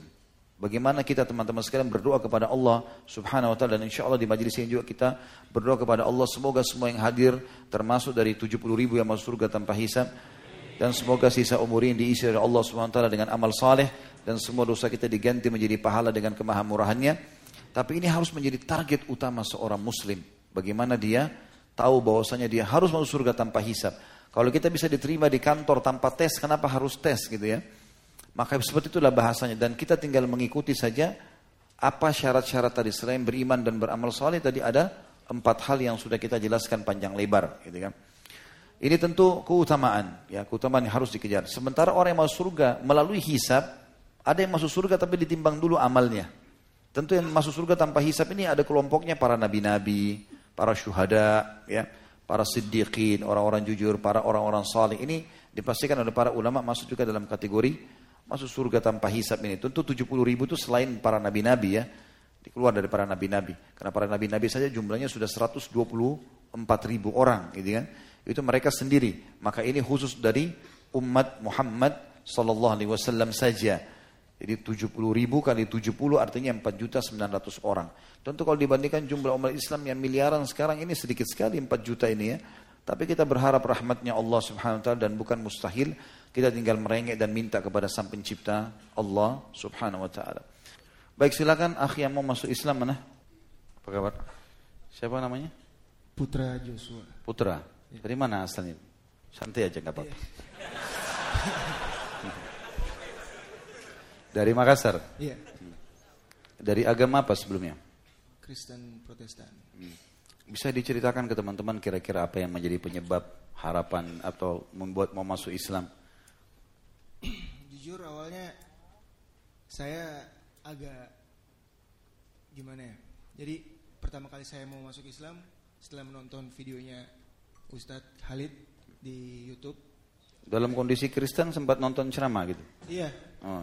hmm. karena saya selalu bertanya-tanya dalam hidup karena agama itu kan pedoman dalam hidup. Jadi saya selalu mencari kebenaran itu. Dan ketika saya menonton Ustadz Khalid, saya merasakan suatu perbedaan tentang pandangan awal saya tentang Muslim. Karena jujur saya, pandangan awal saya tentang Muslim itu adalah yang buruk-buruknya. Hmm. Tapi setelah saya menonton Seperti apa gambaran buruk itu? gambaran buruknya ya seperti yang kita ketahui saat ini kayak ISIS, teroris, Hmm. penjahat. Hmm. Tapi setelah saya menonton videonya Ustadz, banyak keindahan yang saya rasakan dan saya juga terfikirkan kalau emang yang saya sebut Tuhan Yesus itu emang hanya utusan Nabi dan Allah itu adalah Allah yang satu dan Allah yang Maha Esa. Hmm. Ada eh, pemicu yang lain atau mungkin yang disempat didengar ceramah yang berhubungan dengan judul apa? Wah terlalu banyak yang saya nonton Ustadz. Hmm. Tapi ini teman-teman perlu diketahui ya, saya belum pernah ketemu sama beliau ya, belum pernah ketemu sebelumnya. Jadi bukan kita mengadakan rekayasa sehingga sehingga dia mengatakan dengar ceramah saya terlepas daripada itu, ya. Ya, kita di rumah Allah, saya tidak pernah ketemu sama beliau dan baru tahu kalau ini dari Makassar dan baru tahu juga kalau sudah dengar ceramah. Saya juga pernah menemui beberapa teman-teman Kristen, ternyata memang mereka mengikuti itu, mengikuti ceramah dan alhamdulillah dengan izin Allah mereka dapat hidayah. Jadi kita jadi penyebabnya saja. Baiklah, eh, sekarang sudah siap masuk Islam insya Allah ya. Tidak ada paksaan, memang karena mau masuk Islam sendiri. Iya. Dari keluarga segala macam, sudah mereka tahu atau belum? Eh, untuk saat ini saya akan memberitahukannya pelan-pelan. sih. Hmm, Baik. Yang jelas sudah siap ya secara siap. Baik, masuk Islam sederhana sekali. Eh, Saudara putra kita hanya sekedar mengucapkan dua kalimat syahadat dengan terjemahannya, diyakini dengan hati. Selebihnya insya Allah tinggal dipraktikin hukum agama. Bisa ya? Bisa. Baik. Ashhadu Asyhadu alla Allah ilaha ilaha illallah illallah wa ashhadu wa asyhadu anna anna Muhammadan Muhammadan abduhu abduhu wa rasuluh. wa rasuluh. Aku bersaksi Aku bersaksi tidak ada Tuhan tiada Tuhan yang berhak disembah yang berhak disembah kecuali Allah kecuali Allah. dan aku bersaksi Dan aku bersaksi bahwasanya bahwasanya Muhammad Muhammad adalah hamba adalah hamba juga utusannya. juga utusannya. Allahu Akbar. Baik, insya Allah ini ada eh, buku dari kami eh, untuk Akh Putra. Ya. Dan kalau di Makassar, saya sarankan karena ada teman-teman di sana, termasuk Ah Sangkuru di sini. Saya juga setiap dua bulan sekali ada tablik akbar. Ayah saya dan keluarga masih di sana semua. Mungkin bisa di follow up kepada teman-teman untuk lebih tahu, bertanya, bergabung, pengajian ada di mana dan seterusnya. Ya. Baik, kita ucapkan selamat insya Allah. Ya, insya Allah tetap kokoh dalam iman ya. Amin. Baik, bagi seperti biasa teman-teman sekalian, eh, bagi yang mau mengucapkan selamat, saya sarankan nanti insya Allah setelah kita sholat, karena sudah masuk waktu asar, bisa memberikan selamat kepada saudara kita dan termasuk juga bisa memberikan apa pun yang antum mau berikan sebagai hadiah, eh, bentuk rasa gembira kita karena saudara satu lagi saudara kita bertambah pada hari ini. Baik kita berdoa kepada Allah SWT semoga majelis kita diberkahi olehnya dan dijadikan sebagai tambahan amal kita pada hari kiamat. Semoga semua amal yang pernah kita kerjakan tanpa terkecuali sampai menjelang ajal dan nanti diterima dengan kemahamurahannya. Dan semoga semua dosa yang pernah kita kerjakan sekecil sampai sebesar apa pun diganti menjadi pahala dengan kemahamurahannya. Dan kita berdoa agar Indonesia menjadi negara yang tentram, aman, damai, seluruh rezekinya dibukakan oleh Allah dengan kemahamurahannya dan juga seluruh umat Islam berada di bawah naungan ukhuwah Islamiyah, diangkat perselisihan di antara mereka. Dan juga tentunya kita berharap agar seluruh umat Indo- masyarakat Indonesia yang belum dapat hidayah diberikan dapat hidayah Islam. Dan juga seluruh yang masih fasik, masih jauh dari agama diberikan eh, kesadaran dan taubat. Serta tentu saja kita berharap agar seluruh pemimpin kita menjadi muslim, adil, kembali kepada Al-Quran dan Sunnah. Serta Indonesia menjadi contoh bagi negara yang lain. Selalu kita doakan saudara kita di Palestina, di Syria, di Yaman, di Irak, di Myanmar, di Ahsa, di mana pun mereka berada sedang tertindas. Semoga Allah ikhlaskan niat mereka, terima para syuhada mereka, muliakan Islam di tangan mereka dan tangan kita semua dan semoga Allah partisipasikan kita bersama mereka di pahala, baik dengan doa, dengan harta juga dengan jiwa kita. Dan semoga Allah dengan kemahamurahnya menyatukan kita semua di surga firdausnya tanpa hisab. Semua yang hadirkan di majlis ilmu yang mulia ini. Kalau benar dari Allah, kalau salah dari saya mohon dimaafkan. Subhanakallahumma wa bihamdika. Asyadu an la ilaha illa anta astagfiruka wa atubu ilaik. Wassalamualaikum warahmatullahi wabarakatuh.